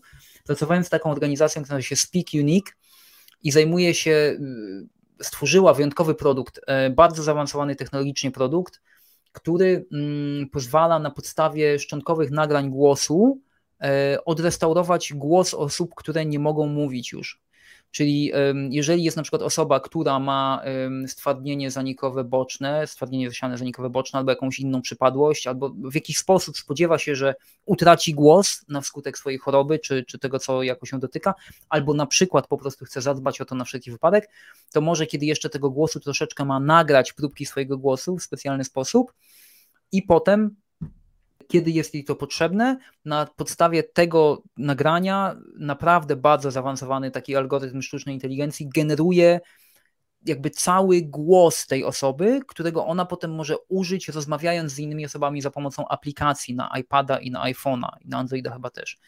Jest to po prostu kosmos. To znaczy, ja kiedyś nawet nagrałem takie wideo, krótkie, gdzie trzymam w łapie iPada, bo miałem to na iPadzie i ten iPad mówi za mnie i mówi moim głosem, moim tonem. Jest to oczywiście no, można rozpoznać, że to jest jednak mimo wszystko jakiś tam robot, ale gdybym na przykład przytknął to do telefonu i rozmawiał z którąś z was, to nie rozpoznałybyście. Jest to po prostu absolutny kosmos.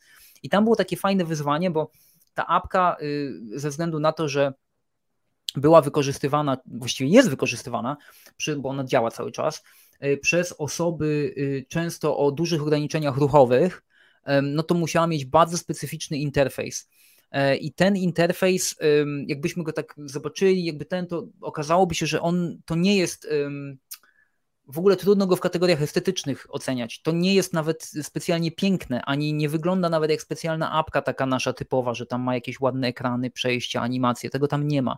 Tam jest po prostu seria guzików, przycisków, takich wielkich, mało estetycznych i w ogóle, ale wierzcie mi, że, że jakby zaprojektowanie tego to naprawdę było niezłe wyzwanie, żeby to zrobić dobrze, dobre etykiety dobrać do tego, bo to no, interfejs w tym momencie zyskuje zupełnie inny wymiar, to jakby jest y, kompletnie inna rzecz, nie?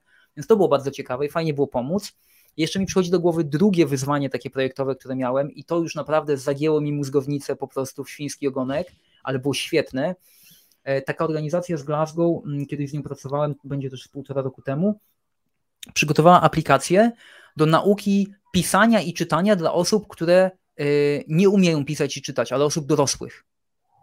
No i to się wydaje na pozór proste, no bo tam jakieś ćwiczenia są tam, wiesz, to jest kod, napisz kod, powiedz kod, tam, czy tu jest napisany kod, czy pies, tak? Super. Tylko jak to zrobić dla ludzi, którzy nie potrafią czytać ani pisać? Jak zaprojektować całą interakcję w interfejsie dla ludzi, którzy nie potrafią czytać? Czyli momentalnie jakieś etykiety tego typu rzeczy, no nie, że odpadają całkiem, ale te bardziej skomplikowane już tak.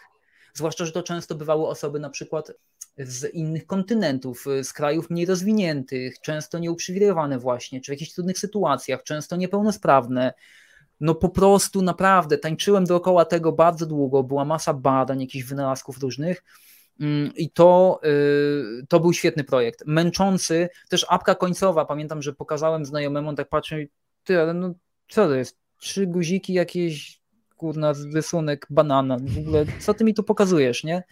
Tylko, że właśnie ilość jakby mużdżenia, którą trzeba było włożyć w to, żeby to zadziałało, naprawdę to było wyzwanie. Uwielbiam takie projekty i chociaż to nie wygląda pięknie i nie jest pełne właśnie cudownych animacji, jakby nie ma jakichś takich pięknych procesów, jak to nieraz widzimy w tych nowych, y, współczesnych aplikacjach, to uważam, że to naprawdę daje tyle satysfakcji, prawdziwe rozkminy, takie grube z grubej rury. A Wojtek, a jak się ta aplikacja nazywa? Pamiętasz? Ta jedna aplikacja, o której mówię, ta do czytania, to jest rzecz, która w tej chwili przechodzi jakiś rebranding, więc trudno będzie jakby to przywołać. Poza tym oni też tam to mocno przebudowują, więc y, tym się nie pochwalę. Nawet nie wiem, czy powinienem tak naprawdę. Natomiast ta druga jak najbardziej nazywa się Speak Unique. Speak Unique. E, można sobie ściągnąć, tylko że niestety to też nie jest apka publicznie dostępna w tym sensie, że trzeba nagrać ten profil głosowy i go wygenerować, więc tak naprawdę to, co można zobaczyć, to zobaczyć stronę internetową, która wygląda zupełnie inaczej. No, taki specyficzny produkt dla specyficznej grupy ludzi. Ale jak ktoś będzie na Design Ways na przykład i będzie chciał sobie zobaczyć to i do mnie podejdzie, to pokażę, bo mam to, to na telefonie, także będę mógł um, wtedy odpalić i zobaczycie sobie, jak to wygląda. Brzydkie jak jasna cholera, ale naprawdę bardzo, bardzo praktyczne. A Wojtek, ile e, mniej więcej trwał ten projekt? Ten, czy to Speak Unique, czy ten projekt e, z, z aplikacją Glasgow? Tak mniej więcej, to są, wiesz, mhm. To są produkty cały czas rozwijane. No ja, ja byłem tam jakby pomocny w kwestii takiej interfejsowej głównie, no bo wiadomo, że ja nie wiem nic o algorytmach sztucznej inteligencji, więc jakby tam sobie pracują nad tym cały czas ludzie. Ale y, myślę, że ten pierwszy to się zamknął po mojej stronie gdzieś w dwóch miesiącach pracy, ten mhm. drugi może w półtora miesiąca pracy. Tylko, że ja mam ten komfort, że pracuję raczej nad jedną rzeczą naraz, więc jakby no, to było dość dużo roboty tyle, że takie skompresowane w czasie.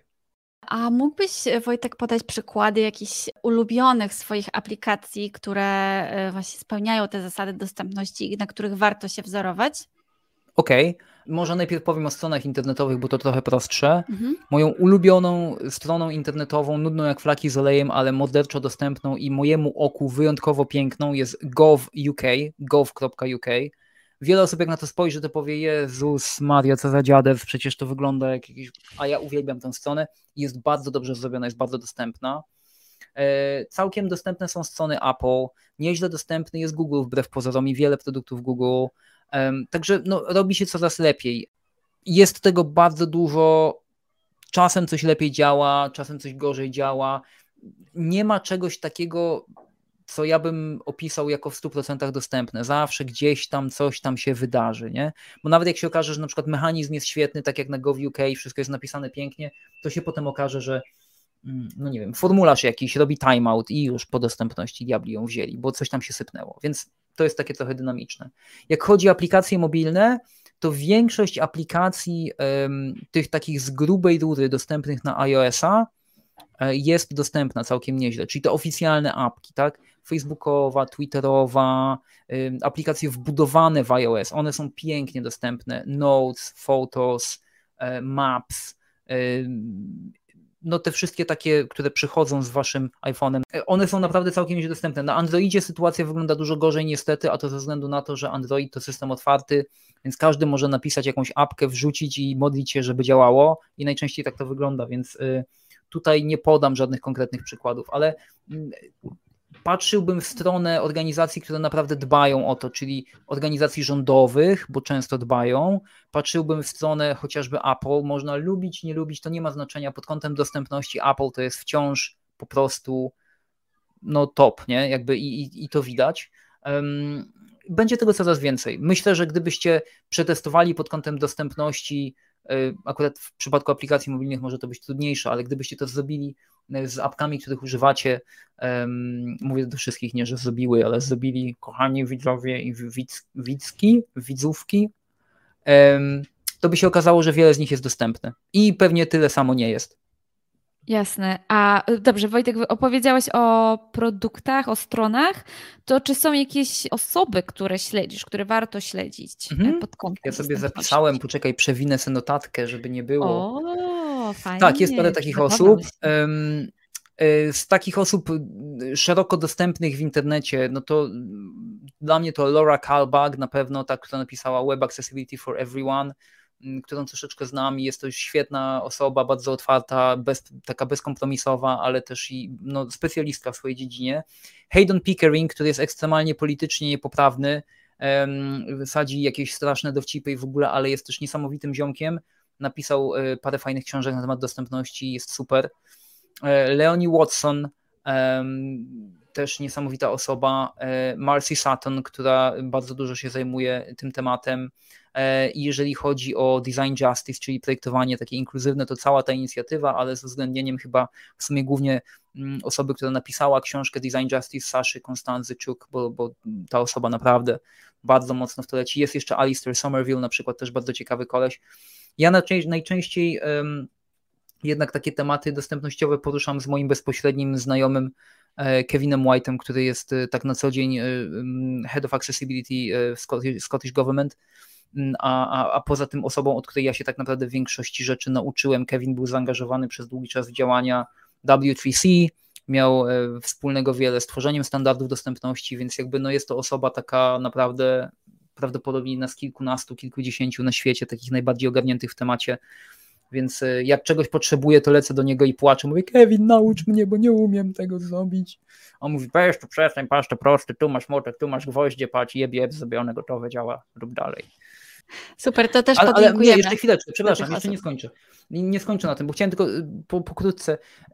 W Polsce też jest parę fajnych osób, bo powinienem było o tym powiedzieć. Nie wiem, czemu tego nie zapisałem. Przepraszam.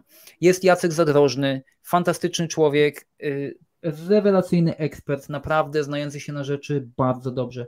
Jest Kuba Dębski, drugi świetny człowiek, który też bardzo dużo fajnych rzeczy robi, pracuje w tej chwili chyba w rządzie i naprawdę umie w to. Jest Piotrek Źrołka ze swoją ekipą z Kinaole, oni też są spoko też naprawdę potrafią i też robią fajne rzeczy, starają się bardzo ten rynek jakoś tak przełamać, więc mm, jest, y, jest wiele osób, które, które, które chcą, które starają się, które jakoś cisną i myślę, że, że ten moment obrotowy jakoś się nakręci. A wspominałeś nam, Wojtek, e, o tym, że dołączyłeś do takiej organizacji, e, która zrzesza profesjonalistów związanych z, z dostępnością. Czy mógłbyś powiedzieć, co to jest za organizacja mhm. i e, o co tam chodzi? Co tam robicie? To jest największa międzynarodowa organizacja zrzeszająca osoby zajmujące się dostępnością. Nazywa się IAAP, czyli International Association of Accessibility Professionals. Można się tam zapisać, wiąże się to z kosztem, ale jest, jest dość takie fajne, bo umożliwia. Wiesz co, to jest w skali roku około o Jezus Maria, 200, 200 funtów szterlingów mniej więcej, czyli e, razy 5 trzeba to pomnożyć, jakieś 1000 złotych to jest, myślę. E, to ma niby pójść do góry w przyszłym roku, bo wiadomo jak jest teraz na świecie i wszyscy kroją bardziej ale mm, to jest fajne. Oni mają masę webinarów, bardzo fajne forum. To jest taka organizacja, która skupia ludzi z całego świata, ale najwięcej jest z niej e, ludzi ze Stanów, no bo tam jednak to jest taki temat, który od dawna się drąży.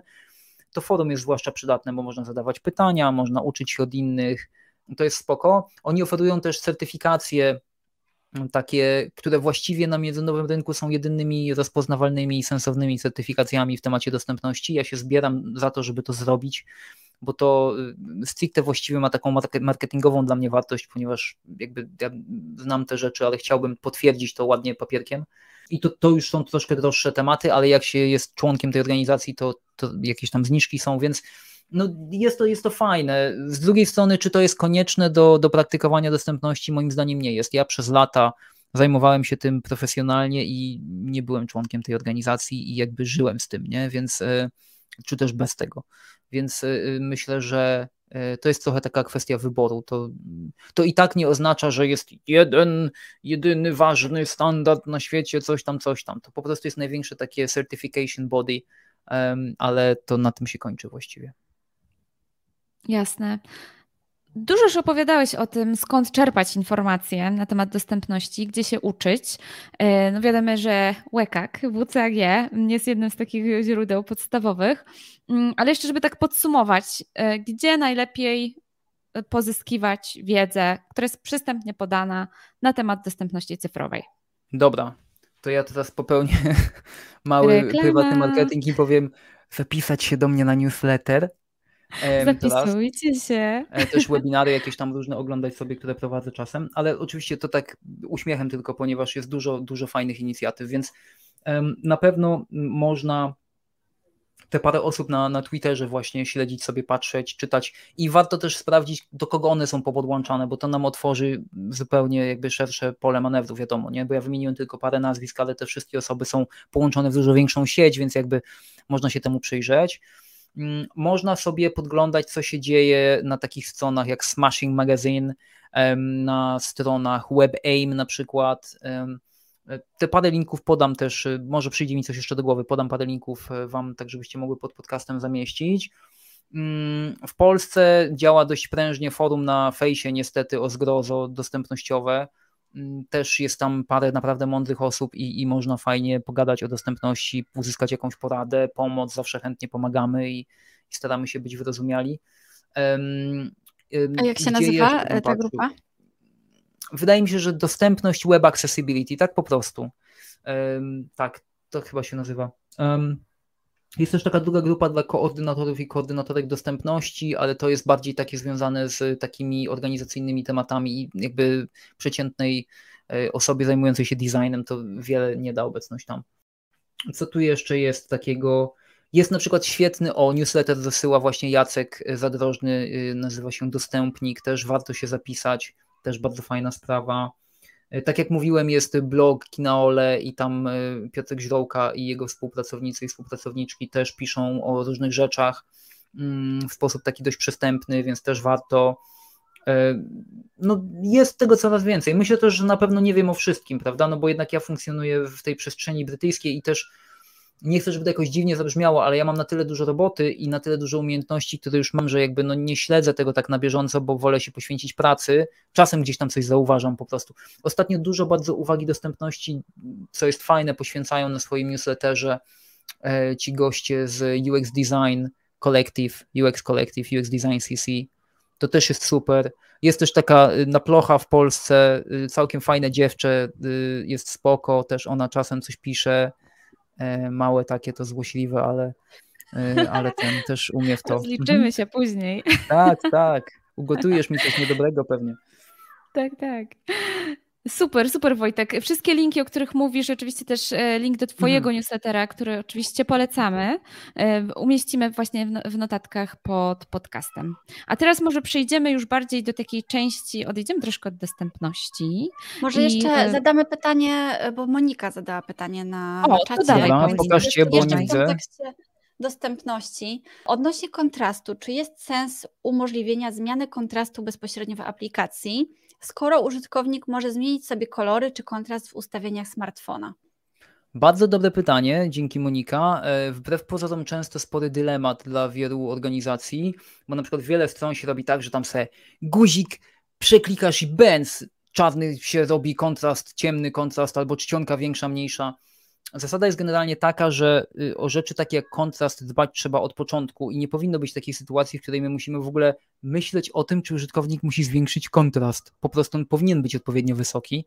Natomiast prawda jest też taka, że jeżeli osoba, która będzie potrzebować tego zwiększonego kontrastu będzie chciała go zmienić, to najczęściej uczyni to za pomocą właśnie wbudowanych w system narzędzi, więc nie, nie trzeba umożliwiać żadnych dodatkowych wygibasów w aplikacjach, czy stronach internetowych, a to głównie dlatego, że one takie osoby mogą nawet w błąd wprowadzić, bo załóżmy na przykład, że ja używam wysokiego kontrastu na moim komputerze, odwiedzam jakąś stronę internetową, słabo widzę, przełączę coś, nie daj Boże, przypadkiem i kontrast zmieni się na jeszcze jakiś inny i co się dzieje. Więc lepiej przylgnąć do tych rzeczy, które są dostępne ludziom by default. Y, a wspomniałeś właśnie o, o, pracy, o tym, że się skupiasz na pracy i chciałyśmy Cię zapytać, co Cię teraz wciąga w takich zawodowych rewirach? Y, czym się teraz najbardziej interesujesz? Poza mhm. dostępnością. Abstrahując, no właśnie. Jasne, czy to jasne. dostępność, czy niedostępność? Mhm. E, no tak, dostępność tak, wciąga mnie, bla bla bla. Dostępność wciąga mnie, w dostępności poławić się chce, można jakieś rapsy zacząć uskuteczniać na pewno, y, na pewno takie rzeczy związane z trochę szerszym aspektem projektowania, jak na przykład sustainability, czyli jakby odpowiedzialne projektowanie, czyli jak zużyć najmniej prądu, jak najmniej planetkę zaśmiecić, jak najmniej ludziom czasu zużyć. Ostatnio bardzo o tym myślę dużo i patrzę, jestem u progu rebrandingu takiego mojego osobistego w kierunku właśnie dostępnościowym bardziej. No i na przykład zastanawiam się nad tym, jak tu moją stronę internetową zbudować, ażeby ona była taka trochę bardziej sustainable i tak dalej, więc takie rzeczy mnie ostatnio kręcą. Niestety ja jestem też z natury istotą, która jest a przepracowana, b leniwa, więc jakby no to nie idzie w parze za dobrze na takie inicjatywy, ale zobaczę co będzie. E, też y, dużo myślę o takich mm, sytuacjach właśnie związanych z nierównościami społecznymi i jakby jak, jak one wpływają na postrzeganie pewnych rozwiązań, czy na używanie pewnych rozwiązań. To już nie chodzi o dostępność, ale właśnie o wykluczenie społeczne i tak dalej. Ale przede wszystkim niezmiennie, tak jak od lat, UX i biznes, nie? czyli jak jedno z drugim pogodzić, e, gdzie to, gdzie to idzie w parze, co tu można wymyślić, żeby coś zrobić szybciej, e, lepiej, e, niekoniecznie taniej, ale za to z lepszym efektem. To są takie rzeczy, którym się przyglądam dość mocno. Te strategiczne tematy związane chociażby z szóstkową umami, strategią też są mi bliskie ostatnio. Więc no tak dość, dość dość dużo tego. Dochodzą do tego też jeszcze takie zagadnienia związane ze szkoleniami, bo na przykład staram się teraz y, tak jakby przemodelować trochę ten typowy taki proces dostarczania szkoleń, że przychodzi ziomeczek i tam coś zasuwa przez parę godzin i potem są jakieś ćwiczenia i, i trochę murzę w tych tematach, więc, y, więc jest, y, główka pracuje, główka pracuje. Jest to robić. No nie, nie inaczej, e, nie inaczej. A Wojtek, właśnie jak już dotknąłeś tematu szkoleń, to może pociągnę ten wątek, bo edukujesz bardzo wielu projektantek, e, pro, edukujesz wiele projektantek, projektantów i zarówno tych, którzy są już w branży, działają, i tych, którzy dopiero wchodzą i, i myślą o przebranżowieniu. Um, ale może chciałabym się skupić na tych bardziej już o, o wyższym stopniu dojrzałości. Jakich kompetencji ich brakuje według Ciebie? Tak, z Twoich obserwacji, z tego, co robicie na szkoleniu, gdybyś miał czarodziejską różdżkę, to jakie, jaką kompetencję byś tak mhm. tak dorzucił każdemu? To jest dobre pytanie, wiesz, bo kiedyś myślałem, jak zaczynałem to robić, że będę się obijał o ludzi, którzy będą mało otwarci, mało będą mieli empatii, bo tam nie wiem co, wiesz, może ze względu na to, że mam taką y, naturę trochę nihilistyczną i rodzaj ludzki generalnie, wie, wiesz, no, wirusy, wirusy, ale, ale się okazało oczywiście, że tak nie jest y, i ludzie są bardzo fajni i bardzo chcą i bardzo się jarają i tak dalej, ale myślę, że to, czego brakuje, to są takie kompetencje wbrew pozorom podstawowe, czyli właśnie to, o czym wspominałem wcześniej, że jakby my jesteśmy wbrew pozorom całkiem dobrzy w produkowaniu zaawansowanych rzeczy, w robieniu rzeczy zaawansowanych, ale trudno jest nam robić rzeczy proste, a przede wszystkim rozumieć podstawy technologiczne, które jakby tworzą wszystkie te rozwiązania. No i um, niezmiennie jest tak, że jak prowadzę szkolenie z dostępności na, na przykład, to y, przed szkoleniem organizacji tam przedstawiam jakąś ofertę i mówię, że część szkolenia poświęcimy na naukę prostego HTML, takiego, żeby zrozumieć, jak działają semantyczne zasady i tak dalej. Właściwie za każdym razem jest tak, o, to ale po co mnie to tam, no to zespół już wie, zespół już umie, zespół już umie budować rozwiązania cyfrowe na przykład. No ale jakoś tam to przemycam, yy, wstawiam to i potem za każdym razem po tym module takim HTML-owym ludzie robią o kurna, w ogóle Jesus, 20 lat naprawiam pralki i tego nie widziałem w ogóle nigdy jeszcze, Jezu, nie? Więc jakby takie rzeczy się dzieją i to jest strasznie fajne, że, że jakby ludzie to zauważają. No, te, potem często dostają doła, Boże kochany, tyle się trzeba nauczyć jeszcze, cała moja praktyka i taki facepalm, nie? Ale mm, to, są, to są myślę te kompetencje, których brakuje, właśnie nie te zaawansowane, tylko takie te y, bardziej podstawowe i, i to jest, to jest ten, ten ważny element. Nie? Ja, ja bym w ogóle polecał, gdybyście chciały, czy gdyby ktoś, kto nas dzisiaj ogląda, czy słucha potem, e, gdyby taka osoba chciała trochę rozwinąć się w temacie dostępności, to ja bym e, spróbował zrobić coś takiego, wymyślam to teraz na szybko, ale to może zadziałać, że na przykład napisałbym sobie, co ja już umiem, czyli że na przykład umiem prototypować, umiem pisać jakiś prościutki HTML, albo nawet trochę coś bardziej złożonego, może trochę znam JavaScript, może coś tam, i teraz na przykład spróbować popatrzeć, czy w tych tematach nie ma czegoś, co mogłoby tą dostępność poprawić. I się okaże, że będę musiał wrócić do korzeni, nie?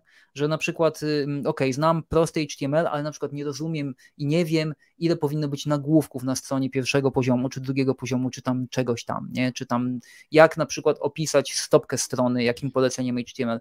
Takie prościutkie, malutkie rzeczy, żeby zobaczyć, że pod tą warstwą takiego cukru i tych wszystkich takich pięknych rzeczy, które mamy na co dzień, leży prosty, najczęściej bardzo logiczny i taki, nie chcę mówić brutalny, ale taki um, pierwotny kod.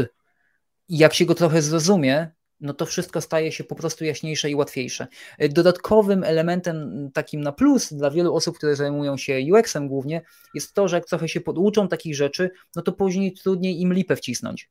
Czyli jak pójdą z tym na przykład do osób programujących, to taka osoba już nie wciśnie im byle czego, bo ja będę wiedział, nie, to powinien być A element, a nie na przykład div, albo tu nie powinno być ARI na przykład, nieważne co to jest, to nie ta dziewczynka z Game of Thrones, chociaż wszyscy na początku myślą, że to ona. Um, no, to tak. Czy ja się za bardzo Super. rozgadałem? Nie, nie, nie, wspaniale Wojtek. Nie mamy jeszcze bardzo pytań. Tak, jeszcze, jeszcze ja, ja mam czas. czasu. Dobrze, świetnie. Dobrze, bo tutaj widzę, że jest dyskusja w czacie. Monika zadała pytanie, czy istnieją checklisty związane z ADA. ADA to jest y, taki standard, czy takie wymogi jakby projektowania. Ale tutaj bardzo ładnie y, Marcin y, odpisał parę postów niżej, tak, o właśnie tutaj, że tak naprawdę mm, i ja jakby polecę za Marcinem tutaj, dzięki Marcinie za tą pomoc dla Moniki i dla wszystkich większość y, wskazówek, które mamy, które tyczą się dostępności y, w internecie od takiego przynajmniej technicznego, no tej technicznej strony, będzie opierać się na, na WCAG, na WCAG-u po prostu. A y, powód jest prosty. WCAG jest stworzony przez organizację, która w ogóle jakby zajmuje się tworzeniem wszystkich standardów internetowych, takich podstawowych, czyli HTML, CSS i tak dalej. I mm, to, no, to pochodzi od źródła.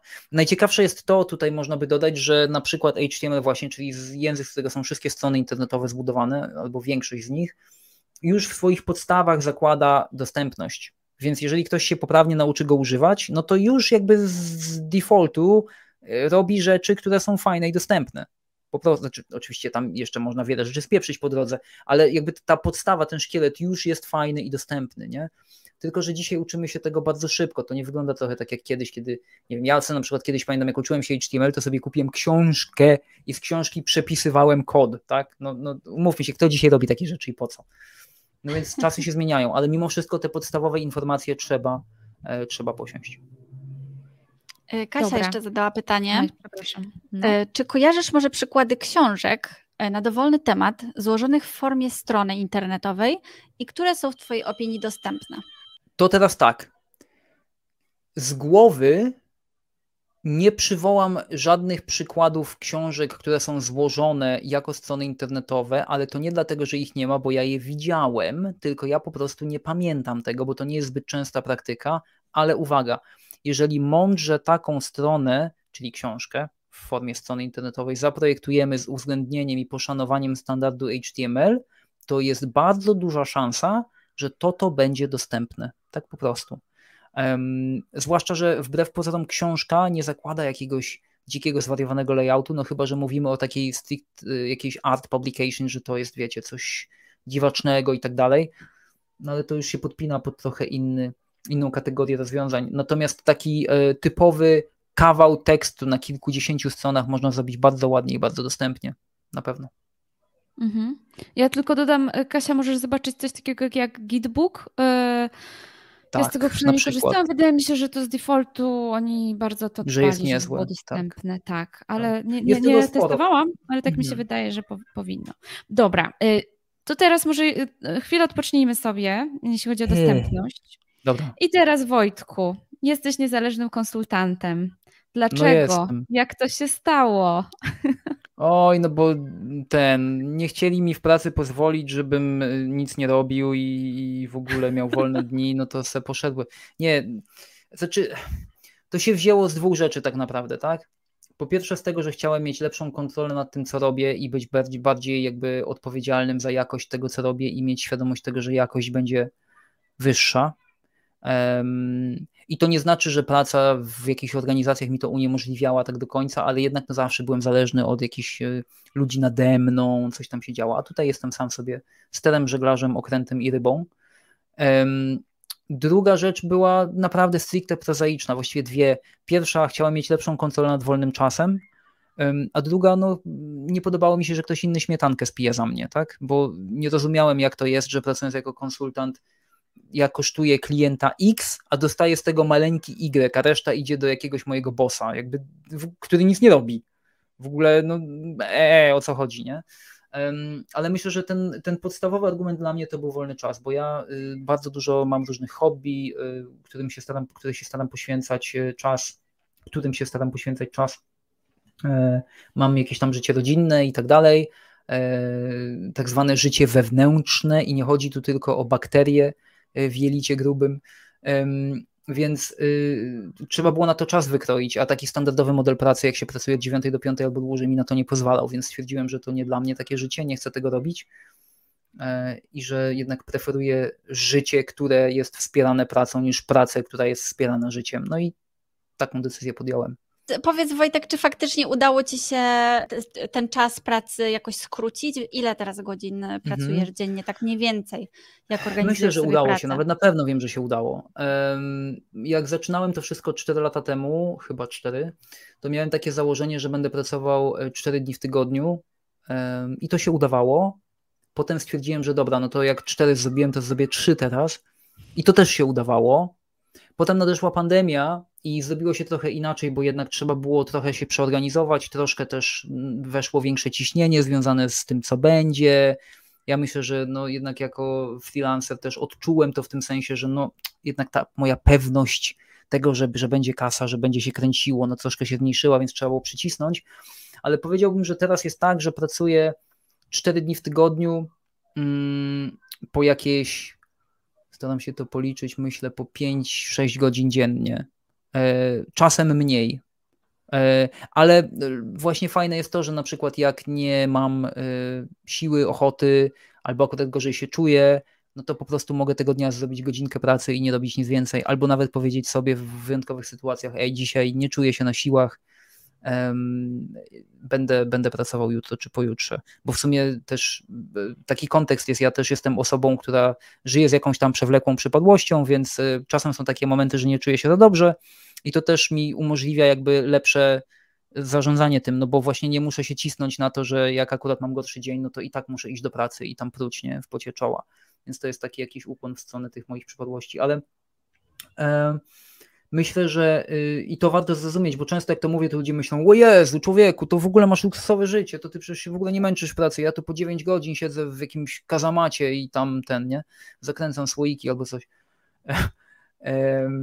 ale albo piksele przestawiam, ale ja myślę, że prawdziwą zmianą, jaką odczułem, kiedy zacząłem pracować sam dla siebie, było to, że ja zacząłem inaczej y, kontrolować otoczenie dookoła siebie i na przykład moje 4 czy 5 godzin pracy dzisiaj, i to z ręką na sercu mogę powiedzieć, to jest więcej roboty niż ja robiłem kiedyś w tydzień.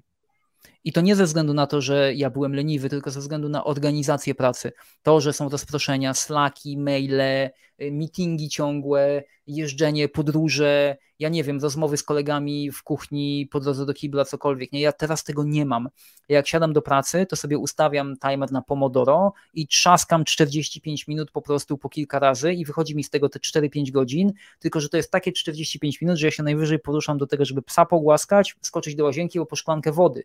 Telefon leży w drugim pokoju, nie ma maila, nie ma Twittera, nie ma Face'a, jest po prostu zasuwa, nie? Dopiero jak to skończę, i poczuję, że już jestem tego dnia zrobiony i mam wszystko odhaczone na mojej liście to do, to sobie pozwalam na pół godziny na social media, czytam na jakieś głupoty, obejrzenie czegoś na YouTubie i to naprawdę tak mi pięknie działa, że nie chciałbym się tego za nic pozbywać i to jest moim zdaniem ten największy plus bycia osobą samozatrudnioną, że można kontrolować to otoczenie, no bo jak się pracuje z innymi osobami, to jest to niemożliwe. Kurde, to Wojtek, gratuluję Ci, bo masz, masz chyba bardzo silną e, taką silną wolę i dobrą Albo jestem desperatem. Pracy, bo przyznam, że ja e, byłam świetnie zorganizowana, dopóki pracowałam w biurze. Później, jak zaczęła się pandemia, to jeszcze jakoś tak e, na tym jechałam, a teraz już czuję, pracując z domu, że, e, no, że nie służy mi to, że to jednak, wiecie, a to pranie, a to tutaj trzeba zmywarkę rozładować. A to piesek, a to, a to jedzonko, tak. Tak, a to może wyjdę jeszcze z psem i tak dalej. Ale wiesz co? Cały jest. Ja też tak miałem na początku trochę, y, ale y, złapałem się na tym i tak usiadłem i pomyślałem, Jesus, człowieku, naprawdę, bo wiesz, zaczęły się takie akcje, że zacząłem zapominać o spotkaniach, albo tam, no bo nie wiem, ja sobie na przykład siedziałem na fotelu, piję se kawkę, czytam książkę, a tu dzwoni pyra do mnie Andrzej, mój kolega z Polski, mówi, no to jesteś już, jesteś już? A ja tak w ogóle, wiesz, ale... E, Agato, no. Uśmiech do ciebie. Tak, i potem się okazało, i potem się okazało, że, że mnie nie ma, bo spotkanie było, tylko ja zapomniałem, nie? E, no, ale mi pomogło w tym to, że sobie właśnie wytłumaczyłem, no że okej, okay, dobra, tak nie może być, muszę być profesjonalny jednak, bo w końcu ktoś mi za to płaci i to nie mało jakoś tam, więc rutynę sobie zbudowałem, zbudowałem sobie rutynę po prostu. Rano mam czas do takiego deep worku, takiej głębokiej pracy, pod koniec tego już zaczynam jakby powiedzmy kontrolować bardziej to, co się dzieje gdzieś tam na mailu właśnie, czy coś, czyli jak Najczęściej, najczęściej ten blok jest taki, że rano po prostu siedzę i robię coś dużego, bo mam sporo takich dużych tasków, potem mam jakieś spotkanie ewentualnie, potem właśnie sprawdzam maile, potem coś tam social media i to już jest czas taki poobiadowy, wczesny, bo gdzieś tam jest obiad, w międzyczasie spacer z psem i już dość, nie? bo reszta następnego dnia, więc myślę, że ta rutyna jest, jest pomocna i dam Ci mały tip i w ogóle może wszystkim, którzy chcą przy pracy z domu, tylko się nie śmiejcie ze mnie, bo to na serio działa i nie ściemniam tutaj, jak to mówię, jak y, idziesz do pracy, to sobie załóż przynajmniej na dół ciała odzienie, w którym szłabyś normalnie do pracy i załóż sobie wygodne buty, w których szłabyś do pracy.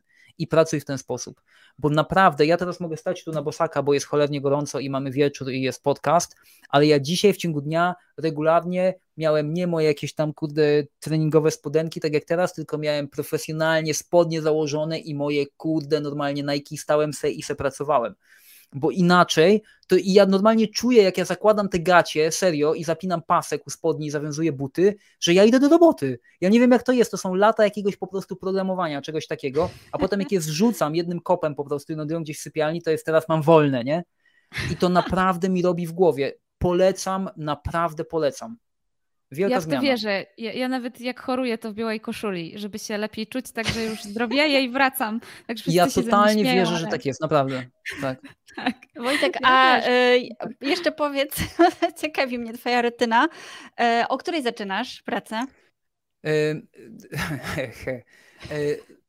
zaczynam mm, w okolicach najczęściej wychodzi, że pomiędzy 9.30 a 10 rano mojego lokalnego czasu, co mi przysparza ciągle problemów, bo jak z Polską pracuję, to tam jest godzina do, do tyłu, to znaczy, że u mnie jest teraz 19.30, u was 20.30, tak. więc jak na przykład rano robię szkolenie, to muszę zawsze zaznaczyć, zaczynamy o 10 polskiego czasu, żeby nie było, że ja muszę o 8 stawać do kąpa przed śniadaniem i w ogóle nie wyspany.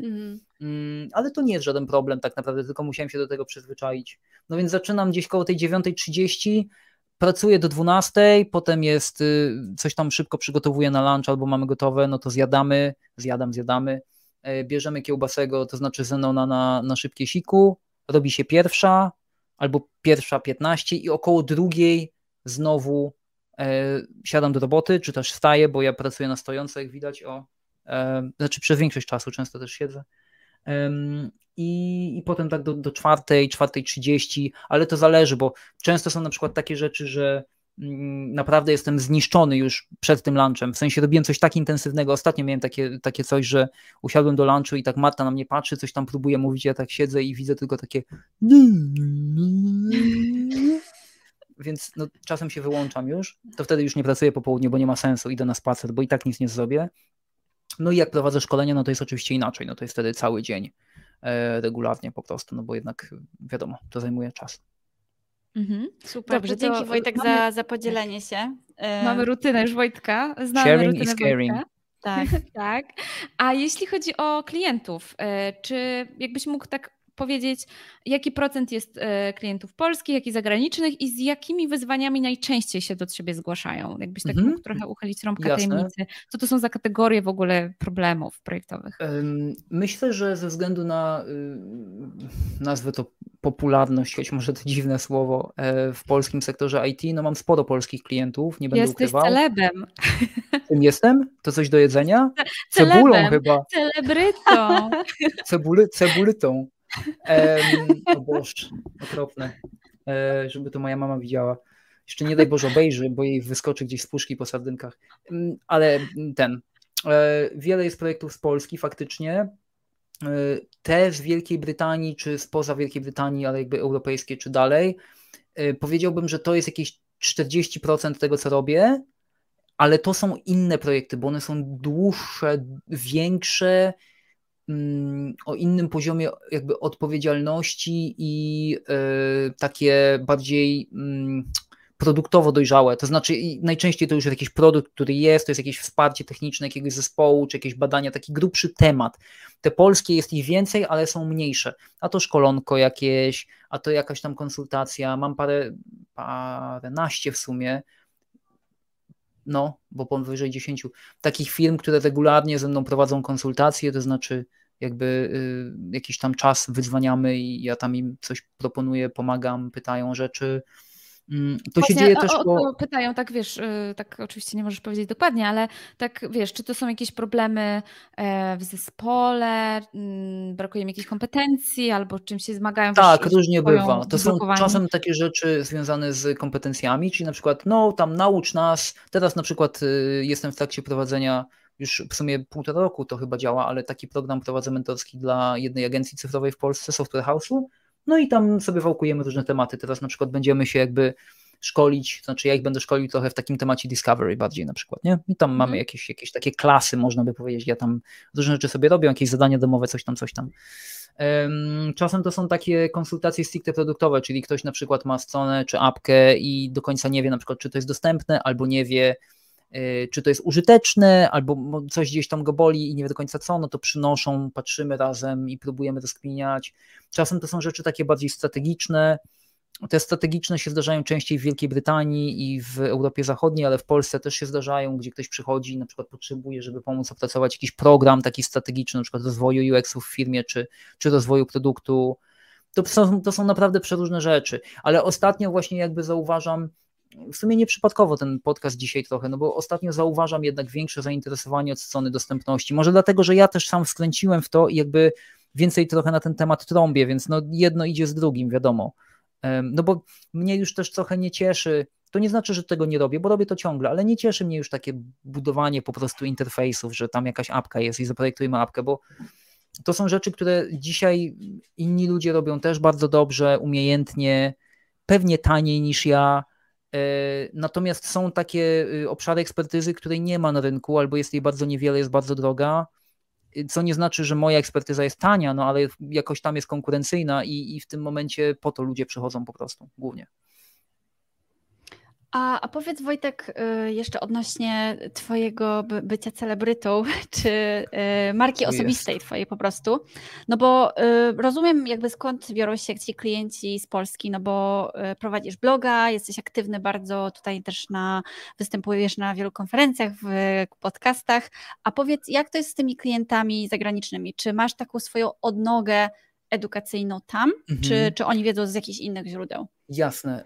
Większość moich klientów zagranicznych y, pochodzi z rekomendacji innych klientów. I to jest właściwie reguła. Czyli jeżeli ktoś do mnie przyjdzie, to najczęściej zawsze pytam, skąd się wziął, skąd ty przylazłeś, pytam. No to mówi, że tam szedłem po parku i podniosłem kamień i tam wyskoczył y, Steven y, spod kamienia i powiedział, hej, w ogóle człowieku, idź do kutyły, to on ci tu zaprojektuje wszystko, nie? Więc takie rzeczy są najczęstsze. Też pomagają mi różnego rodzaju konferencje i podobne wydarzenia, choć nie ukrywam, że pandemia bardzo pohamowała te rzeczy w Wielkiej Brytanii, e, więc no to jest trochę problem, jakby trudniej jest dotrzeć do nowych klientów w ten sposób, bo, bo, ich, no bo jakby się nie chodzi na to. Dopiero teraz to się zaczyna znowu nakręcać, ale te dwa lata były straszne, koszmarne pod tym względem mało się działo w internetowej przestrzeni. Dużo też to są e, osoby, z którymi ja kiedyś współpracowałem. Czyli bardzo często jest tak, że przychodzą do mnie osoby, które na przykład miały ze mną do czynienia, kiedy jeszcze pracowałem e, na pełen etat w jakiejś tam organizacji i sobie przypominają nagle o tym, że istnieje, bo mają jakieś specyficzne wymaganie i, i no, sprawdzają, co ja teraz robię. I się okazuje, że ja na przykład finansuję, więc no okej, okay, no to, to czy możesz nam pomóc? Więc tak to działa. Czy istnieje odnoga kutylska, macka kutylska, która maca rynek brytyjski, czy też zachodni? No teraz zacznie istnieć, bo, bo, bo dzieją się różne fajne rzeczy w tym temacie, więc myślę, że, że niedługo będę w stanie coś więcej powiedzieć, ale ja się staram troszeczkę e, jakby zbalansować bardziej też tą pracę właśnie i, i nieco, może nie, że przesunąć, bo w Polsce wciąż lubię pracować i chciałbym tam zostać, ale jakby tą ekspansję przeprowadzić na rynek brytyjski. Z wielu względów, no to jest lokalnie tutaj dla mnie, jednak to jest też bardziej lukratywna praca często. E, no i wyzwania są inne po prostu, wyzwania są troszkę inne, troszkę inne firmy, inne podejście do rzeczy, to też warto czasem e, jakby tego doświadczyć. Super. To teraz już pora na ostatnie pytanie. Wojtku, na rozwoju jakich umiejętności chciałbyś się skupić przez te następujące kolejne miesiące? Mhm. Kolejne miesiące upłyną dla mnie na dwóch, nie, nie, mówię o typowych projektach jakichś takich, bo to, to połóżmy gdzieś tam do szuflady, ale na dwóch nowych dla mnie rzeczach. O jednej z nich jeszcze nic nie powiem, bo się wstydzę. Wy już trochę wiecie, bo już coś Wam wspominałem, ale na razie siedźcie cicho na ten temat. To może być interesujące, więc wszyscy się dowiedzą w swoim czasie. Zapiszta się na newsletter, to się dowieta, jak przyjdzie pora. Mm, ale druga rzecz, piszę już od jakiegoś czasu, powoli to idzie, bo mam masę innych zobowiązań, ale piszę książkę po polsku o dostępności, którą mam nadzieję dokończyć, a tak naprawdę sensownie rozbujać i dokończyć no, jakoś niebawem. I to będzie dla mnie takie duże wyzwanie, takie, takie no, nowe umiejętności będę musiał. Znaczy, nowe to nie, bo ja zajmuję się pisaniem i nie najgorzej w sumie piszę, ale jednak napisanie czegoś większego to jest zobowiązanie takie trochę grubsze, więc więc no tak jakby trudno mi to przechodzi, nie ukrywam, ale, ale to się zrobi, to się, to się, to się podzieje.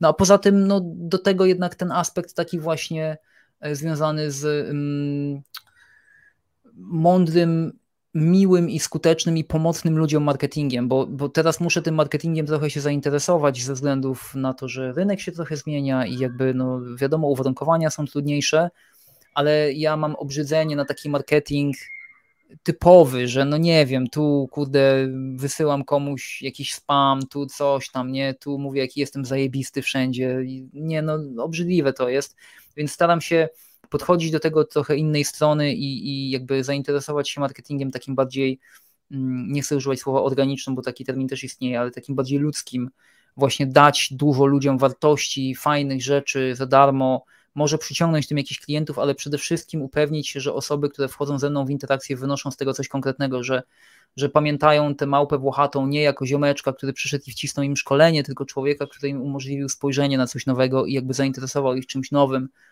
I to jest taki mój nadrzędny cel, jakbym bo sobie siedziałem tak ostatnio, czytałyście też wizję umami i strategię umami i też Aga u was była, więc myślę, że wiele osób, które nas dzisiaj ogląda też jakby wiedzą o co chodzi choć pobieżnie może, tak sobie myślałem, jaka jest ta moja wizja umami, nie? Kurde, gdzie, gdzie, ona, gdzie ona jest jakby i i wymyśliłem, właściwie przyszło mi to w miarę bezboleśnie, bo, bo po prostu wymagało tylko zapisania parę rzeczy, które od dawna jakoś mi przyświecają, że ja bym po prostu chciał, żeby osoby, które tworzą rozwiązania cyfrowe, były bardziej zadowolone ze swojego życia, tworząc rozwiązania, które są lepsze i, i, i mniejsze dla innych. I to jest mój cel e, w mojej działalności zawodowej, w mojej działalności tej takiej e, cebulowej, przepraszam, celebryckiej, cebulowej